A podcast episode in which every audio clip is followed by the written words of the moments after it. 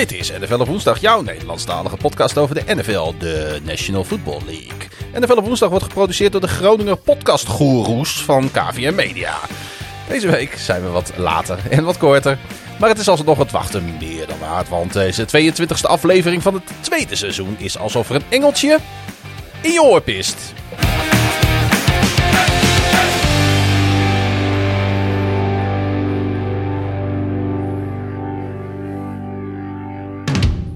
En ik zie Pieter heel, eh, eh, heel hard grinniken om zijn eigen intro. Ja, ik ben weer heel trots op. Het was piest trouwens. Wat zei ik dan? Pist. Dat vind ik echt een vies woord. Ja, vind ik ook een beetje smerig inderdaad. Ehm, geen, eh, geen geluidsfragmentjes, geen uitgebreide aflevering deze keer. Want ja, jij zit al tussen twee nachtdiensten in. Ik, ik niet. ja. Maar ook wel in, ja, tussen eh, de opgestapeld werk zeg maar in. En eh, ja, we hebben druk hè, want we gaan natuurlijk over een paar weken naar Amerika. Ja, nou ja, en eh, je hebt het eigenlijk zelf op Twitter, hebben we het al een beetje gezegd. Ja. We hebben nog niet genoeg petje af mensen dat wij onze baan kunnen opzeggen. Dus we doen het er nog steeds een beetje tussendoor. Ja, en normaal gesproken in een reguliere aflevering waar we al onze onderdeeltjes doen, nou, daar zit gewoon een dag voorbereiding in, ongeveer. Nou, die hebben, hebben we deze week niet. En dat hadden we gewoon niet, nee.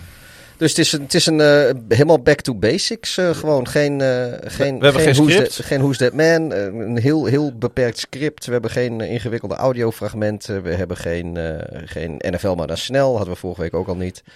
Nee, we En- zijn aardig in decline. Ja, dus, eh, dus ja, het is ook wel. We, zijn op ons slechtst eigenlijk weer. Of En we back moeten- to basics. En Het we, is net moeten wat nog, je wil. eh, en we eh. moeten nog opschieten ook, want jij moet weer aan het werk. ja, we moeten ook, ook een beetje doorpakken. maar het lag ook een beetje aan mezelf, want ik had het mezelf ook een beetje druk gemaakt het afgelopen weekend. Ja, ik vond wel dat je heel erg geslekt hebt. Dat moet ik wel zeggen. Ja, ik, ik zat vorige week vrijdag zat ik in Helmond bij Helmond Sport tegen ADO Den Haag. En zaterdag zat je in Den Helder volgens mij. Bij, Voor, bij Donar. Ons aller donar inderdaad. je zondag in Rotterdam bij Sparta tegen ons aller FC Groningen. En dan zat je maandag was je dan wel gewoon. En dan zat je dinsdag zat je ook alweer hier in Martini Plaza bij Donut Koekeloeren. Vat ik dat zo goed samen? Ja, Jouw, dat eh, jouw, wel, week, ja. jouw week? Zo.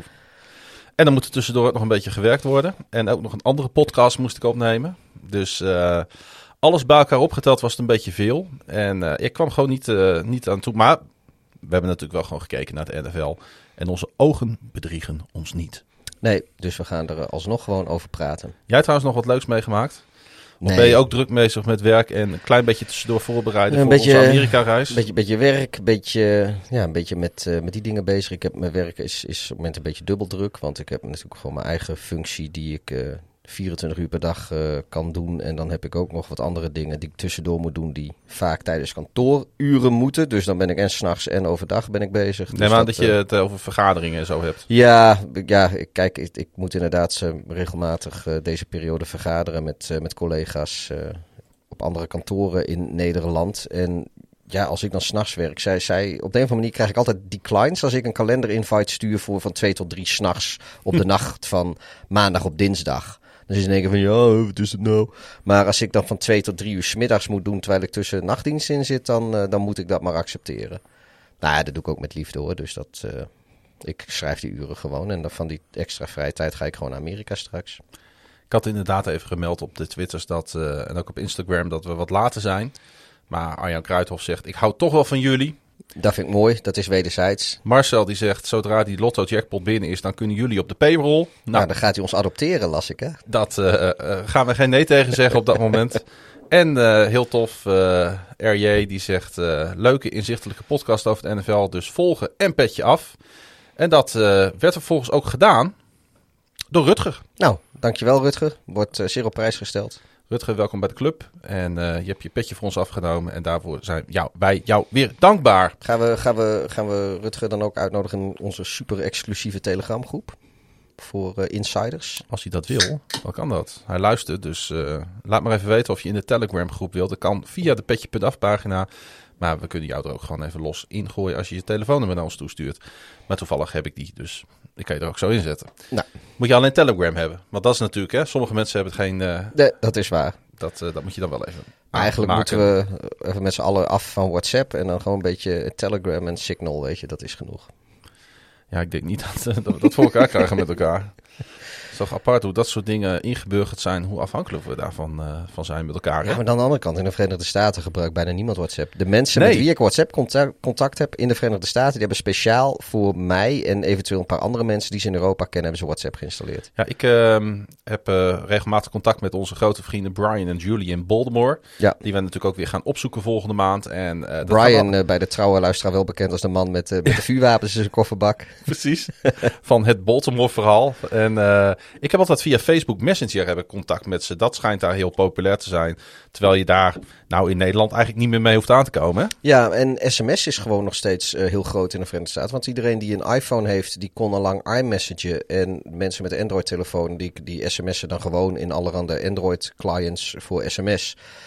Want uh, in tegenstelling tot hier in Nederland, we dwalen nu al af jongens, is het uh, bij die Amerikaanse telco-aanbieders eigenlijk altijd al heel normaal geweest om onbeperkt sms of, of duizend sms in de maand vroeger nog, of, of 10.000 en later dus onbeperkt.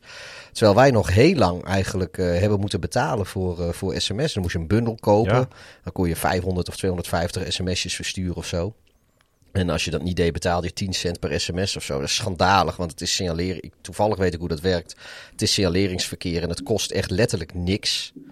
Ja, het is grappig, goed, hè? Laatst, het kost geen eh, capaciteit, je hoeft er niks voor te doen. Om een werkend telefoonnet te hebben, moet je signaleringsverkeer hebben. En daar gaat sms ook over. Het, het is echt gratis voor telco's.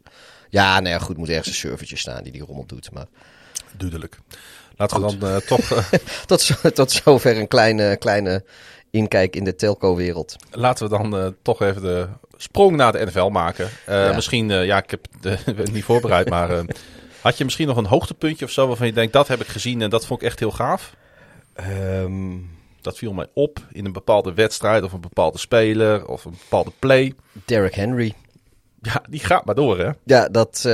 ik, nou, niet alleen speelde hij misschien wel uh, zijn beste wedstrijd van het seizoen. Niet, niet qua aantal yards, geloof ik. Maar wel gewoon het feit dat, dat eigenlijk niemand, en wij ook niet in onze voorspellingen, cent gaf voor de kansen van de Titans. En, uh, en Henry, die, uh, die, die loopt gewoon over de Bills heen. Die toch ook een beetje gerankt waren als misschien wel de beste defense in de NFL.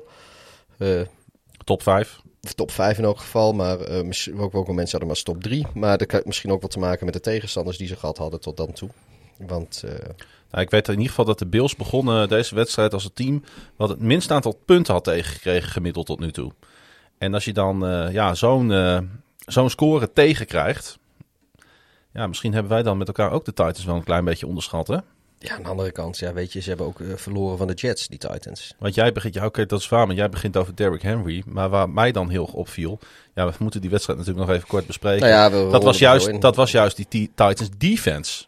Die ja. vond ik onwaarschijnlijk sterk. Er zat een power en een energie in. En dat, dat is lastig uit te leggen wat dat is, hè. Dat een uh, defense van een bepaald team met een bepaalde energie speelt. Ze zijn echt niet zo goed. Ze missen ook spelers. Ze hebben gaten in hun roster. Nee, in één keer wordt, uh, zijn ze dan veel beter dan de, de som der delen, zeg maar. Ja. In één keer zijn ze veel meer. Dat zie je wel vaak in, in, in, in sportwedstrijden. Misschien, uh, misschien wat, was het gisteren bijvoorbeeld bij Ajax ook, al zo. Uh, weet je, Ajax speelde ook, steeg ook een beetje boven zichzelf uit gisteren in de Champions League tegen Dortmund. Ja. Um, uh, maar ja, in de NFL zie je dat ook wel met, met enige regelmaat. En als die combinatie er is van een, van een electric defense, als je begrijpt wat ik daarmee bedoel.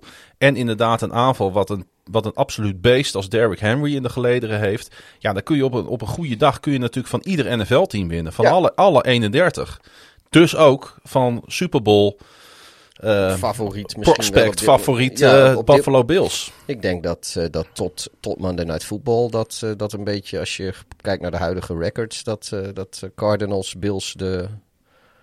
Ja. Maar goed, ja, dat zijn nog vroeg in het seizoen natuurlijk. Goed, eens even kijken of er wat binnen is gekomen nog op de socials. Um, had jij ook een moment deze week trouwens? Ja, ik had wel een moment. Ik had hem net in mijn hoofd.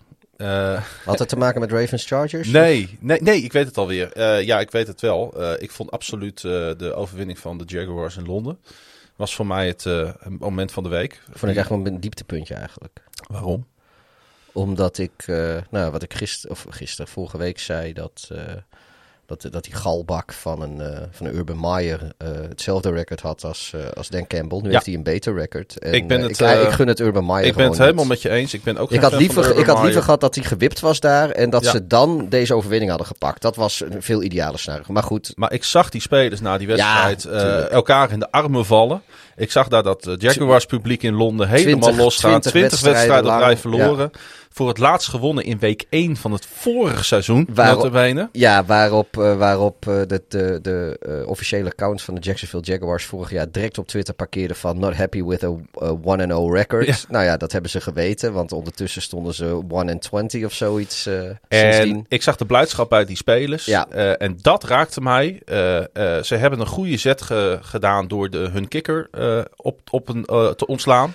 Ja, Een nieuwe kikker aan te nemen. Die kikker gaan we het nog even over hebben straks. Want het is best wel een bijzonder verhaal. En die trapt me even twee 50 plus eh, field goals achter elkaar binnen daar. Ja, ik, was, eh, ik, ben, ik heb die wedstrijd niet live gezien. Want eh, ik zat in, in, in het Sparta-stadion op het kasteel.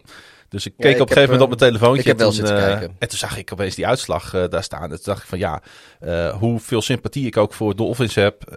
Ik gunde het met name toen ik later de blijdschap bij die jongens terugzag. En bij de fans. Dacht ik van ja, dit... nou ja, ja nee, dat snap ik wel. Ik, ik gun, weet je, wij weten, wij, kijk, nou, wij weten hoe het is om supporter te zijn van een team wat niet veel wint. En dan zijn er nog heel veel teams onder ons die nog minder winnen. ja. Maar goed, wij balen al af en toe van ons FC Groningen. En het ziet er ook af en toe gewoon niet uit. En dan worden we daar ook wel eens wat chagrijnig van. Want we hebben liever dat FC Groningen het goed doet. Alleen de situatie die je tegenkomt als je echt, echt fan van de Jacksonville Jaguars bent, is nog Ja. zoveel beroerder. ja, dat klopt. Dat is wel waar.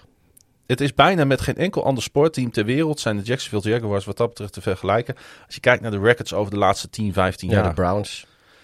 Ja, en dan hebben volgens mij de Jaguars nog een slecht, slechte Ja, maar dat komt omdat de Browns de laatste drie jaren weer omhoog krabbelen. Maar als je ziet wat, eh, wat de Browns eigenlijk eh, Eén- gedaan hebben sinds 2000. Of, Eén winning season voor de Jaguars. ja. Eén. Wat de, wat, de Browns, de, wat de Browns hebben gedaan sinds 2000, dat breekt eigenlijk eh, met de afgelopen jaren dan even eruit gerekend, breekt echt alle, alle bevattingen, alle statistieken. Goed, dat was, eh, daarom was dat mijn, eh, mijn momentje van het weekend. Ehm Frankie Metsenmakers die eh, gooit op de twitters. Hoe voelt het voor Darth Hideous om eigendom te zijn van eh AR-12? Ja, Van Aaron Rodgers. oh, ik dacht dat hij het over eh Allen Robinson had. Ik denk, zeg maar even. Ehm, ja, weet je, dat, eh, eigenlijk ben ik gewoon eigendom van de NFC Championship game. Ja. Want, eh, want dat is iets waar... Kijk, Rodgers die verslaat ons en de NFC Championship game verslaat Rodgers structureel. Dus ja, dat... eh, Ja, ik snap het. Nou goed, het is natuurlijk heel vervelend voor Bears-fans dat ze van de laatste 23 wedstrijden er eh, 20 verloren hebben. Dat, dat ik kan me voorstellen dat dat best wel frustreert af en toe. Maar vond je het dan, is het dan nodig? Ja, is het. no- Oké, oké. ik ga heel objectief ga ik hier wat over zeggen. Oké? hm? Ja? Ik vond dit als fan van topsport. Kan ik hier wel van genieten dat de speler dit doet. Dat de speler na al die jaren nog steeds dit kan opbrengen. Er zit ook passie in. Oh, zit, weet, weet je, het, het, het stoort mij totaal niet. Nee. Ik, ik, ik, ik, stoor me helemaal niet aan dat Aaron Rodgers dat doet. En als ik Aaron Rodgers was, eh, had ik dat eh, ook gedaan. Ja, wat hoort En- bij topsport. Ja, en als, eh, noem maar wat, als, als de komende eh 15 jaar Justin Fields eh 28 van de 30 wedstrijden van Green Bay wint. En, en die gaat aan de Lambo Leap doen over, over 15 jaar. En die zegt, I still own you. Dan zeg ik ook, oh, wat, wat mooi.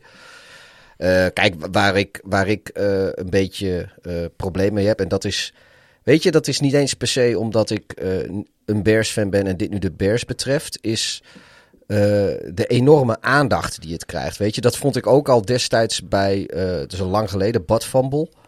eh, waar mensen het nog steeds over hebben. En dan denk ik, en dat zijn het voornamelijk in dit geval dan de, Patriots fans bij Bad Fumble, die daar nog steeds over beginnen. Dan denk ik, ja, jezus man, let it go. Weet je, je bent, eh, je, je bent al weet ik hoe lang ben je, bij het betere team. En dan ga je nog steeds daar naartoe terug. En dit Je bent, ook paar, je bent een paar Super Bowl ringen verder zelfs. ja, en, Ja. en eh, zo zie ik dit ook een beetje van, kijk, dat, dat Rodgers dit doet vind ik hartstikke prima. En dat die spelers dat mooi vonden, vind ik ook goed. En op de dag, maar dit is, wordt waarschijnlijk weer zo'n moment en zo'n halve meme dat je dit nog weet ik hoe lang.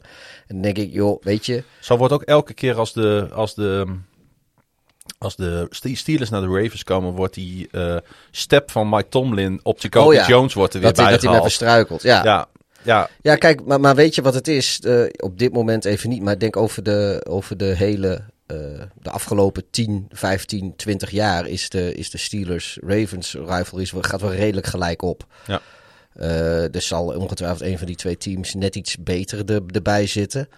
Maar het, kijk, het is, eh, het is niet zoals de Bears die al gewoon eh, de hele eh, eeuw bijna gededdikt worden door de Green Bay Packers. nee. Eerst met Favre en, en daarna, hoewel die af en toe nog wel eens van de Bears kon verliezen. Nou, ik zou liever hebben als, als liefhebber van dit spelletje en van de NFL en als, als, als puntje op de bank zitten van deze sport, zou ik liever hebben dat deze wedstrijd iedere keer Ja. natuurlijk om, om, om het even is. nou ja, goed, dat, Maar dat is- dat is niet. is niet zo. En Nee. Kijk, eh, ik heb dat ook. eh, eh, we hebben dat zo zondag volgens mij even over gehad in de kroeg. Weet je, het, het, het, het, is ook een beetje als met, met FC Groningen naar Ajax gaan. Als, als wij, als de Bears tegen de Packers spelen. Ehm, als Groningen, vooral in Amsterdam is dat dan zo. Je, je, je verliest altijd als Groningen toch wel. Ja, niet, niet extreem dik, maar genoeg om afgetekend te zijn. Weet je, 2-0, 3-0, 3-1, weet je, dat, dat soort Mhm. uitslagen. Maar altijd eh, heb je het gevoel dat, je, dat er een, een, een, een heel deel van de wedstrijd was dat je er toch wel in de wedstrijd zat. En eh, of je schiet jezelf in je voet, waardoor het, wa- waardoor het uit handen geeft. En dan zijn er altijd dubieuze beslissingen van de scheidsrechter die, die dan meespelen, wat die je ook frustreren. En dat is dan misschien niet de reden waarom je die wedstrijd verliest. Nee. Maar het heeft altijd een, een, een net wat andere smaak dan, dan een andere wedstrijd verliezen. Op de een of andere manier. En het gaat in Amsterdam eigenlijk altijd zo. En nou ja, dat is met deze wedstrijd ook zo. We zullen het er straks nog wel over hebben. Ja. Maar eh, ja, dat Rodgers dit doet, joh, daar lig ik verder niet zo wakker van. Nee. Jeroen die vraagt aan mij: Is Klaas-Jan al aan het zweten voor eh, Bengals at Ravens zondag? Ehm, Nou, je voorhoofd glimt een heel klein beetje. Jeroen, eh, nee. Oh, dan is dat van wat anders. Om, om heel, ja, van traplopen naar de studio net. En het kolen halen. Nee, ehm, eh, nee, absoluut niet. Want ik eh, ben erg onder de indruk hoe de Ravens namelijk in dit seizoen aan het groeien zijn. Dus ik ben niet zo bang voor deze wedstrijd. Ik denk wel dat, eh, dat dit een hele toffe pot kan worden. Ik ben voor één ding bang. En dat is voor de big plays van eh, Cincinnati. Voor de Burrow-Chase-connectie die als een trein loopt. Verder denk ik dat, dat de Ravens dit gewoon gaan winnen. Ja, ik denk dat, eh, ik denk dat we gelijk hebben. Die, die Burrows-Chase-connectie is natuurlijk dodelijk. Ja. En ik denk ook dat, eh, dat zij zeker wel wat, eh, wat gaatjes in de secondary van, van, van Baltimore gaan vinden. Oh, het zou zo een 31-28 Maar kunnen het, worden hoor. ik denk het grote probleem voor de Bills. de Of de, sorry, de Bengals. Ik, ik heb het, de Bills staat al voor me in het script. Mhm. het grote probleem voor de Bengals is denk ik dat zij te snel scoren als ze scoren. Terwijl eh, eh, Baltimore denk ik veel meer eh, ground and pound gaat doen. Die gaan wel pasen, maar die gaan ook heel veel over de grond doen. Dus uiteindelijk denk ik dat de, de Bengals defense het moet gaan opgeven. gedurende de tweede helft, de derde en vierde kwart. Omdat zij toch veel langer op het veld gaan staan, denk ik, dan de... Die ik wel al een paar weken echt boven hun ingeschatte Ja. niveau vind spelen. Want ik weet niet zo goed of dit hun niveau is. Want ik ben niet zo onder de indruk van bepaalde posities. Ook voor het seizoen hebben wij ze eh, eh, uitgebreid voorbeschouwd. Ja, En wij vonden allemaal eigenlijk wel dat er een aantal zwakke schakels zijn. ja. die gewoon eh, mee worden getrokken in. En dan hebben we hem weer. Weer ook, ook de Bengals hebben, wat de Titans ook hebben. Er zit een vonkje in. ja in die, unit ja. op dit moment. Die hebben een chip on hun shoulder, zoals ze dat zo mooi zeggen. Want ze zijn. Weet je dat ze, bet- dat, dat ze beter zouden zijn dan de afgelopen jaren? Dat is geen hot take. Maar en ze doen het, denk ze ik beter. gegund. Ze doen het denk ik beter Ja. dan menigeen had verwacht. Maar ja, ik denk dus, ik, en ik zeg dit zonder dat ik dit statistisch uitgezocht heb of op, met cijfers kan onderbouwen. Ik heb dus het idee dat eh, de Bengals altijd vrij snel scoren. Omdat ze relatief veel big plays doen door de lucht. Ja. En eh, ja, als ze dat tegen Baltimore ook doen, dan denk ik dat eh, als Baltimore dan rust. Weet je, running game stoppen is al heel vermoeiend voor een verdediging. En ik denk dat, eh, dat Baltimore daar, eh, daar de overhand gaat hebben. Ik denk dat we overal de beste zijn en daarom deze wedstrijd moeten winnen. Maar aan de andere kant, het is natuurlijk, eh, ja, we zitten op een punt in het seizoen dat dit al een klein beetje een soort van key wedstrijd wordt. Ja. Want gaan de Ravens naar 6-1 Of gaan de Bengals naar 5-2? Ja, En dus de Ravens ook. ja nee, precies. Het kan, een tight, het kan een, het kan een tying ja, en game dan staan worden. de Bengals bovenaan, want dan hebben ze de onderlinge tiebreaker. Precies, precies. Dus, daar gaan de, dus, Ja. dus het is een zes punten wedstrijd. Nu al Ja, vroeg in het ja. seizoen. Nee, En ik, nou, als de Ravens dit weten te winnen, ja, dan is het dan zouden ze wel eens weg kunnen zijn in de divisie. Ja, dan is freewheelen naar het einde van het seizoen. Nou ja, goed. We weten allebei dat dat natuurlijk niet zo is. Laatste vraag eh, die ik nog even wil behandelen kwam binnen van Marcel Timmerman. Hij zegt het aantal middellange, langdurige blessures is in mijn beleving vrij hoog. Hoe verhoudt eh, zich dat voor de hele NFL ten opzichte van voorgaande jaren? Ik vind het op zich een goede vraag. Eh, maar ik denk dat het een kwestie van inderdaad beleving is. Ehm, ja, ik, ik denk inderdaad ten eerste dat het, dat het een, een, een gevoel is wat eh, cijfermatig denk ik niet zomaar onderbouwd kan worden. Want eigenlijk is ieder jaar is, is, heb, heb, heb je dit soort momenten dat mensen denken van ja, deze keer zijn er wel meer blessures dan vorige, vorige seizoenen. Terwijl dat in de praktijk vaak wel meevalt, omdat je uiteindelijk heel veel blessures ook weer vergeet. Je hebt van vorig seizoen weet je niet meer hoeveel er toen waren. Maar hooguit toch die van je eigen team of misschien eh, van wat tegenstanders waar jouw team van profiteerde. Dat je nog weet van oh, wij konden tegen dat en dat team spelen toen hun quarterback geblesseerd was of, Ja. of wat dan ook. En daardoor hebben we net een overwinning uit de kast eh, getrokken die, eh, die we anders niet gepakt hadden. Maar nu zie je al die berichten even voorbij komen. Dus dan is het allemaal vers. Dus dat is denk ik één ding. En het andere ding is, is dat Injury Reserve, de IR-list, is nu nog maar drie weken in plaats van de zes die het was, geloof ik. Of acht misschien zelfs, weet ik Ja, niet eens meer. klopt. Dus spelers die worden veel sneller op eh, IR gezet. Wat sowieso al een persbericht op zich is. Als een speler eh, van een team dat die jij niet volgt, eh, gewoon drie wedstrijden niet actief is. En je hebt hem in fantasy niet en je speelt niet tegen dat team en het is niet jouw team. Dan vergeet je dat. Ja. Maar als op het moment dat de speler op IR geplaatst wordt, wordt dat nog steeds overal op social media vrij groot gebracht. Ja. En dat valt dus ook op. En dat, Denk- gebeurt, nu, en dat gebeurt nu wel vaker. Denk bijvoorbeeld aan McCaffrey bij de Panthers, die Ja. nu op IR staat, maar na twee wedstrijden alweer eligible is om te gaan spelen. Ja, precies. En in, in voorgaande seizoenen was hij niet op IR gezet. Nou, nu is McCaffrey natuurlijk een high-profile player die Nou ja, daarom noem ik iedereen in fantasy, eh, in elke fantasy league is er een team dat eh, die McCaffrey wel heeft. Ehm, dus dat, dat valt wel op. Maar goed, Ja. dat, ik, ik denk dat het, eh, dat het cijfermatig niet te onderbouwen is. En NFL is gewoon een sport van veel blessures. Gaan we naar de, ja, oh, dat is het ding wat zeker is. Gaan we zo meteen naar de wedstrijden. Nog even kijken naar het eh, laatste nieuws wat eh, binnen is gekomen. En dan komen we ook weer op blessures. Eh, de Ravens hadden een zware blessure te slikken. Want Ronnie Stanley, de left tackle, die moet de rest van het seizoen missen. Ja, dat las ik inderdaad. Dus dat is niet best. Nee, dat is niet best. En ehm, hij tweette vanuit zijn ziekenhuisbed dat hij, dat hij daar ook erg verdrietig om was. Hij zegt, ik had bij die jongens moeten zitten in de kleedkamer, me voorbereiden op de wedstrijd tegen de Cincinnati Bengals. In plaats van dat ik hier op een ziekenhuisbed lig. Maar het is niet anders, jongens. En eh, ik kom er natuurlijk weer sterker uit. Dus dat was een, eh, een eh, vervelend bericht voor de Baltimore Ravens. De Bears, heel toevallig dat deze twee teams nu achter elkaar komen trouwens. Die hebben eh pass rusher Quinn op de COVID-19-lijst gezet, Pieter. Ja, dat klopt ja. En daar was het al gezellig druk op, eh, op de COVID-19-lijst van de Bears. Want daar stond ook al eh, running back Damian Williams en wide receiver coach Mike Furry. Ehm, ja, met Robert Quinn erbij hebben ze nu drie mensen. Ik heb geen idee of daar nu al... Heeft eh, hij COVID of is hij niet gevaccineerd? hij is, po- hij is en heeft positief getest. Oké. Hij is positief getest. Nou, Eh, dus is- hij, hij staat op die lijst. Hij zal nog een paar keer getest worden. Maar Damien Williams en, en Furry, die, eh, die wide receiver coach, die zijn er vorige week al opgezet. Die staan er nog steeds op. Dus ik neem ook aan dat die COVID hebben. Want bij een false positive waren ze alweer van die lijst af geweest, geloof ik. Ja, en als je close contact hebt, maar je bent gevaccineerd, dan mag je met een negatieve test mag je gewoon weer eh, lekker aan het werk. Ja, Dus dat kan het ook niet zijn. nee, dus eh, ik weet ook niet precies. Ik weet wel dat de Bears in ieder geval rondom het league gemiddelde zitten. En misschien er zelfs een beetje boven wat vaccinatiegraad betreft. Maar, eh, maar ik weet niet van individuele spelers eh, wie wel en niet gevaccineerd zijn. Ik weet wel dat ik Robert Quinn op een persconferentie heb gezien zonder mondkapje. eh, eerder in het seizoen. Dus dan Maar neem ik aan dat hij gevaccineerd is. Want anders moet je er volgens Ah. mij één dragen. Helaas kun je gevaccineerd zijn en ook COVID Ja. krijgen. Dat is. ja, niet goed, hij, hij zal waarschijnlijk ook niet, niet piepend op zijn buik liggen.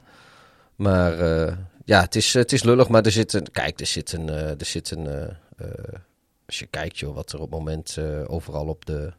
Alle, er zijn zoveel teams die, eh, die er last van hebben. Dus dat. eh, Ja. Maar goed, dit is natuurlijk een grote naam. ja, Ehm, ook slecht nieuws voor ehm, de Bills. Want tight end Knox die heeft een gebroken hand opgelopen in de wedstrijd tegen de Titans. ja. Dus die is voorlopig ook uit de running.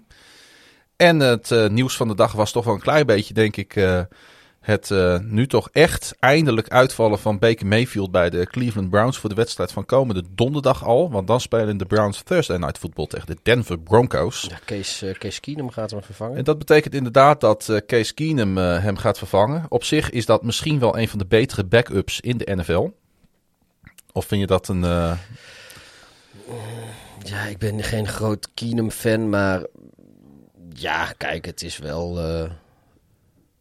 Laat ik zo zeggen, als eh, de, de, de Browns verliezen van de Broncos, zal dat niet alleen aan Keenum liggen. Want eh, ik, ik had het er even met je over. Heb je dat, dat andere lijst van spelers die niet in actie gaan komen tegen de Broncos vanwege ja, er zijn nog wel wat meer daar, hè? Ja, Mayfield, eh, die hebben we genoemd. Dus ze missen een startende quarterback. Dan missen ze ook Hunt en Chubb, de, twee, de top twee running backs eigenlijk die ze hebben.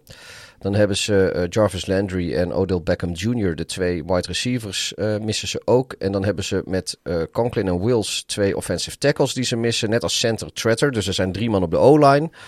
En aan de verdedigende kant van de bal missen ze linebacker. Dat is volgens mij rookie uh, Owusu Koramoa. Die is uh, volgens mij dit jaar gedraft. Ja. We hebben het uitgebreid over gehad uh, eerder in het seizoen. Die naam komt me daar heel bekend voor. Van. Maar als ik... Uh, maar die, die, die, die drukt al een stempel wel op, op dit seizoen, uh, Owusu Koramoa. Ja. Die was echt die was goed bezig. En met natuurlijk de toch wel pittige nederlaag van afgelopen weekend in het achterhoofd.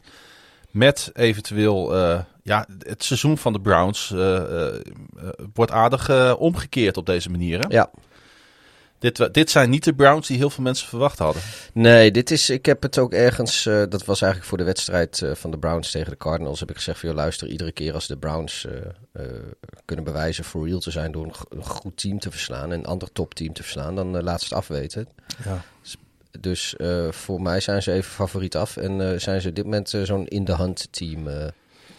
Goed, ook een beetje pending natuurlijk van wat er donderdag gaat gebeuren. Want als je die wedstrijd verliest, dan kom je op een losing record te staan. Nou, en met de teams die boven hun staan in de divisie, kan het dan wel eens ongelooflijk lastig gaan worden. Ja. Um, Keenum uh, gaat uh, voor het eerst sinds 2019 een wedstrijd starten. Toen uh, was hij starter voor de Washington voetbalteam. En we moeten niet, niet vergeten dat hij in 2017 nog de Minnesota Vikings naar de playoffs heeft gegooid. Ja, dat wil ik zeggen. Want uh, volgens mij was Keenum de, de Vikings quarterback in de debuutwedstrijd van Trubisky. Op Zeker. Monday Night Football. Um, Mayfield die, uh, is wel geprojecteerd om uh, bij de volgende wedstrijd weer terug te keren voor de, voor de Browns. Die is op 31 ja, oktober die, tegen die de gaat Steelers. Dan, die gaat er spelen. Kijk, de Browns hebben ook een beetje pech dat, het, dat ze Thursday Night Football hebben deze Ja. week. Want van dat lijstje die ik net noemde... Of geen bye. Is er, ja, is er een aantal spelers die, uh, die mis, waarvan het al waarschijnlijker was geweest dat ze het wel hadden gedaan als ze zondag pas hadden hoeven spelen. Of misschien zelfs naar Monday Night hadden gekund. Um, waaronder Baker Mayfield. Nog even een release ertussendoor gooien. Breaking news. Want, Moet ook een jingle uh, voor hebben. Ja, moet eigenlijk een jingle voor hebben, ja. Washington voetbalteam heeft uh, veteran kicker Dustin Hopkins op straat gezet. En ze hebben... Uh, uh, ze zijn overgestapt op, ja, ik had er nog nooit van gehoord, ene Chris Blewett. Blewett? Blewett, sorry. Volgens mij heeft Blewett heeft hij niet bij de Lions gekikt. Nee. Uh, Chris Blewett. Hij heeft wel gekikt, want we hebben het namelijk over die naam hebben wel grapjes gemaakt. Volgens mij vorig seizoen nog. Hij heeft nog nooit in een NFL-game uh, een gekikt. Waar ken ik hem dan van? Nou ja, goed, hij heeft in 2016 nog voor, voor Pitt gespeeld. Hij heeft vier jaar bij de Panthers gespeeld. Uh, heeft hij bij de in de NFL? Oh, ik, ah, ik uh, zie het al. Um, hij heeft in 2019, hij heeft de preseason uh, vorig jaar, of twee jaar geleden, heeft hij bij de Bears ah. een poos in trainingkamp gezeten. En daar zie je alweer wel Chris Blewett, Blewett, released by the Bears, bla bla bla. Ja, da daar, ja, ja, daar komt, ik, wat ik zeg, ik kende die naam ergens van, maar ze hebben natuurlijk uh, Bij de Bears hebben ze toen zo'n hele kikkercarousel gehad. Dat ze geloof ik 14 kikkers op trainingskamp hebben gehad. En hij was er eentje van die uh, in ieder geval tot aan het eind erbij was. Maar uiteindelijk toch, uh, toch gereleased is.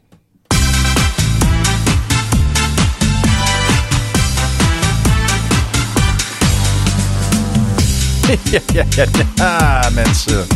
De biertopper van de week. Week, week. Komt uh, uit Jacksonville. Doe maar. En is, uh, is ze serveerster? Nee. nee, die zou nooit biertopper van de week worden.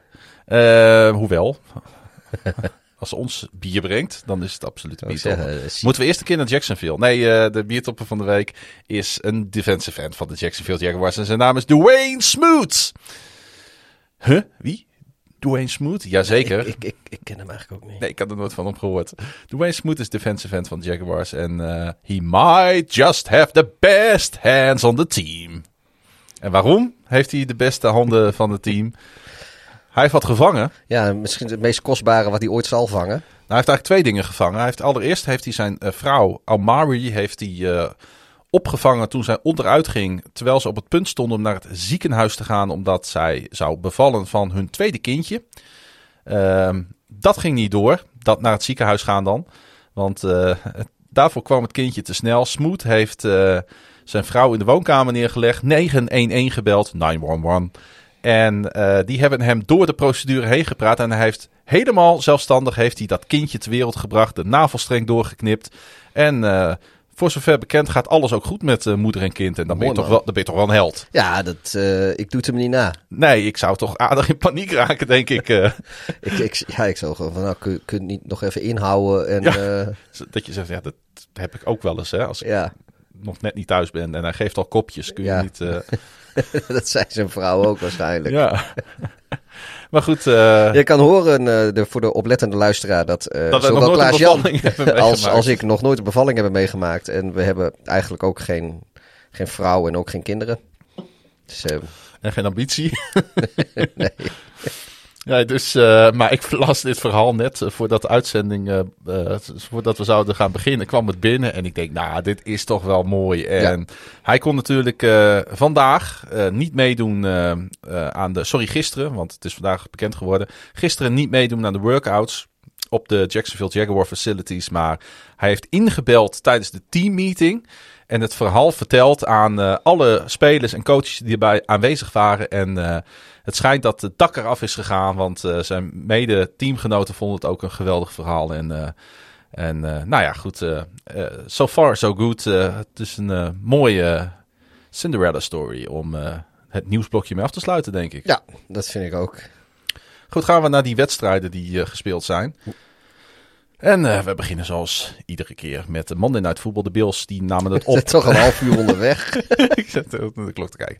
De Bills namen het op uh, tegen, uh, in Nashville tegen de Tennessee Titans. Music en we hadden, City. het, ja, we hadden het niet voorspeld, Pieter. Nee, we hadden het allebei fout voorspeld wat dat betreft. Over Music City gesproken. Was het niet tussen deze twee teams dat de Music City Miracle plaatsvond? Ja, en dit was misschien wel haast 2.0. Ik weet wel dat...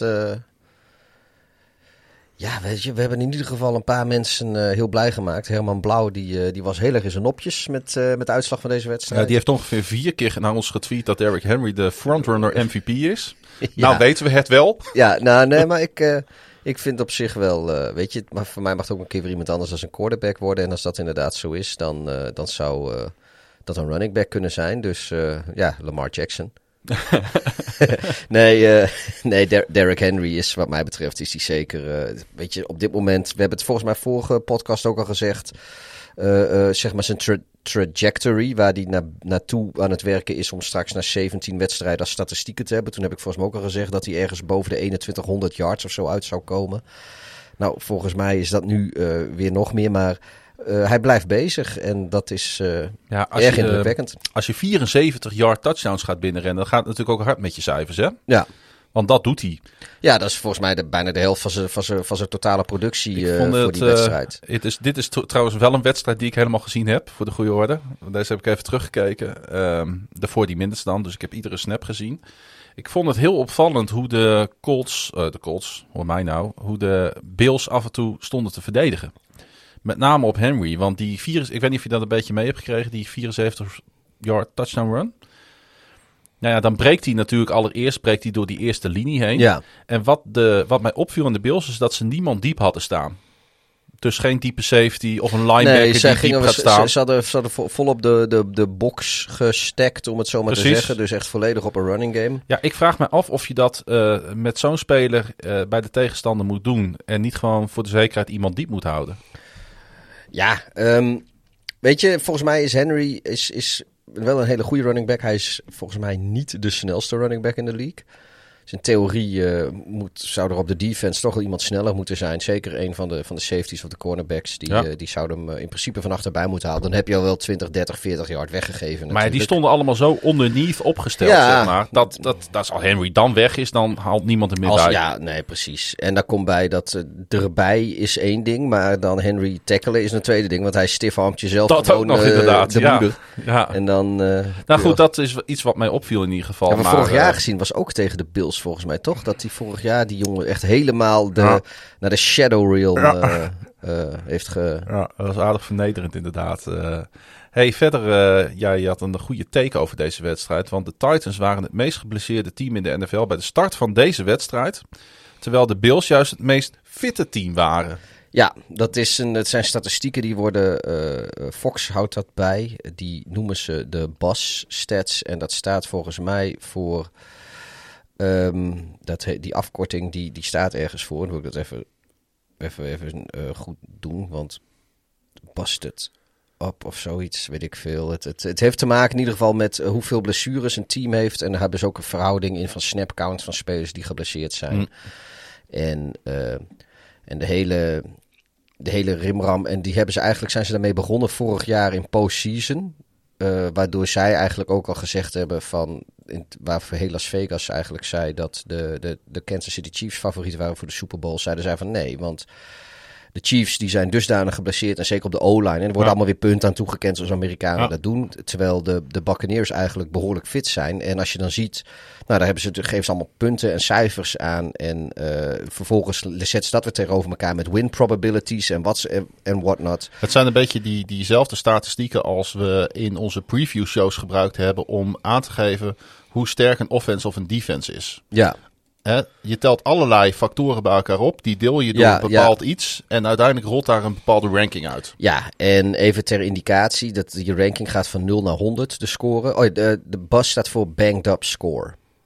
Dus Oké. dat, eh, daar staat BUS voor. En in week 6 eh, was het dus zo dat eh, de Bills, die stonden met 92,5 van de 100, eh, waren ze dus een van de fitste teams in de, in de NFL. Ook de enige boven de 90. Ja. Twee andere teams die hoog stonden waren bijvoorbeeld de Vikings en de Jets. Ehm, terwijl de, de Titans, die hadden dus 50,9. Dus die zitten maar halverwege. Ehm, en andere teams die heel laag zitten zijn de Ravens en de Ja. Browns. En de Ravens in dit geval waarschijnlijk eh, speelt mee dat ze, dat ze hun volledige running back corps in het eh, vlak voor het begin van het seizoen verloren hebben. Dat is dan meegenomen. Maar goed, dat, eh, ja, ik, ik vond het wel een interessant eh, eh, verhaal. Want op basis hiervan zou, zou dus keihard voorspeld zijn dat de Titans, los van het kwaliteitsverschil, wat, wat er volgens alle kenners en ook volgens ons was, waren de Titans ook nog eens veel meer getroffen door blessures dan, Nou dan de Bills. Ik noemde niet voor niks natuurlijk die electric defense Ja. van de Titans. Die wat mij betreft nog meer dan Henry, met alle respect natuurlijk voor zijn, eh, voor zijn numbers, eh, deze wedstrijd voor de Titans gewonnen heeft. Want het kwam natuurlijk wel aan op een gegeven moment op dat beslissende moment. Hè, die eh 4 en 1 van de Bills. Mhm. Die, en dat vind ik dan ook wel weer voor de Bills eh, wat dat betreft ehm, eh, spreken. Die hadden daar gewoon voor een tying field goal kunnen gaan. Ja, ik vond, ja, ik vond het wel mooi dat ze het niet deden. Ze deden het niet. Ze wouden toch voor die touchdown gaan om Ja. die wedstrijd binnen te halen. Doen het niet. Halen het niet. Ja. Nou ja, waarop uiteindelijk dus de Titans inderdaad die wedstrijd naar zich Ja. konden trekken. Nee, goed, maar ik vind het nog wel steeds, eh, ik vind nog wel steeds een goede beslissing. Zeker als je de Bills bent die je bent dit seizoen. Mhm. En je ambieert wat, wat, je, wat je ambieert als Bills dit seizoen. Dan eh, moet je gewoon inderdaad voor de winst gaan. En het, het lukt niet altijd, maar Nee. daarom is het ook een gok als... eh, Komt nog eens bij trouwens dat Allen tot deze wedstrijd een NFL best 24 quarterback sneaks voor first downs had. eh, gerekend vanaf 2018. en nu, ja. En uh, dus je mag er ook op vertrouwen dat een quarterback als Nee, Allen dit gewoon kan doen. Ja, nee, precies. Kijk, het is, ik vind het een hele begrijpelijke beslissing dat ze dat gedaan hebben. En ik, het, ik, ik kan me ook niet voorstellen dat er mensen zijn die dat anders zien. Eh, als je dat wel doet, dan is het een beetje eh, voor mij gevoel gelul achteraf. Ja. Hetzelfde wat de Lions laatst deden. Ja, Met een two-point conversion in plaats van een eh, tying. Oh, daar moeten we Point straks ook, ja, daar moeten we straks ook nog even over praten. Want die Lions, daar heb ik nu wel wat, eh, wat minder positieve dingen over. maar ehm, ja, weet je, dit is gewoon een goede beslissing. Je wil gewoon winnen. Eh, je gaat ervoor. Je hebt een quarterback die dat kan, die dat Ja. heeft bewezen. Je hebt misschien eh, wel het beste team in de NFL op dit moment. Je speelt tegen een team. Ja, oké, ondertussen is die wedstrijd een heel eind aan de gang. Dus je weet al dat het, dat het toch wat lastiger is dan, dan van tevoren misschien verwacht. het zat, ook, Maar dan het zat nog- trouwens ook gewoon een keer weer goed vol in Nashville, zeg je dat? Ja, Dat was wel even geleden, Nou, want ik- ze, ze, verkopen hun stadion al jaren eigenlijk niet uit. hè? nee, ja, ja, aan de bezoekende supporters. Ja, maar er waren veel Bills-fans weer, hè? Ja, maar weet je, Nashville is ook echt een hele leuke stad om heen te gaan. Maar ehm, weet je, ik, ik- bij de Titans was het natuurlijk zo, het, het zat allemaal niet mee. Ze, ze, je, je, je- ze hebben verloren, nou vorige week dan niet, maar eh, eh, recentelijk van de, van de Jets verloren. Eh, de, de, de, je, ze hebben blessures. de, je speelt eigenlijk tegen de topfavoriet uit je conference. Je bent bij lange na eh, daar niet favoriet. Sterker nog, je bent behoorlijk underdog. Ja, en dat verbindt ook gewoon, weet je. Dat, dat verbindt, daar geloof ik gewoon echt in. Ja. Dat is, eh, weet je, ook om even weer de, de, de parallel met de eredivisie te trekken. Je hebt heel vaak van die Ajax-spelers en Ajax-supporters ook... Die, die wel eens in het verleden eh meesmuilend een beetje hebben opgemerkt... van dat alle ploegen extra hun best doen als ze tegen Ajax spelen. Nou ja, goed, dat, dat, dat zal hier, eh, gebeurt dat ook gewoon, denk ik. Dat je speelt eh, eigenlijk als underdog tegen, tegen de favoriet. Ja, dan, dan ga je net het stapje extra. Ik zei trouwens dat het een, eh, volgens mij 73 yard run was voor een touchdown van Henry. Hij was 76 yards van de 2020 AP Offensive Player of the Year natuurlijk. En Henry heeft nu 11 touchdowns van 50 yards of langer achter zijn naam staan. En staat nu gelijk met voormalig ook Titans running back Chris Johnson op een vierde plek met deze stat.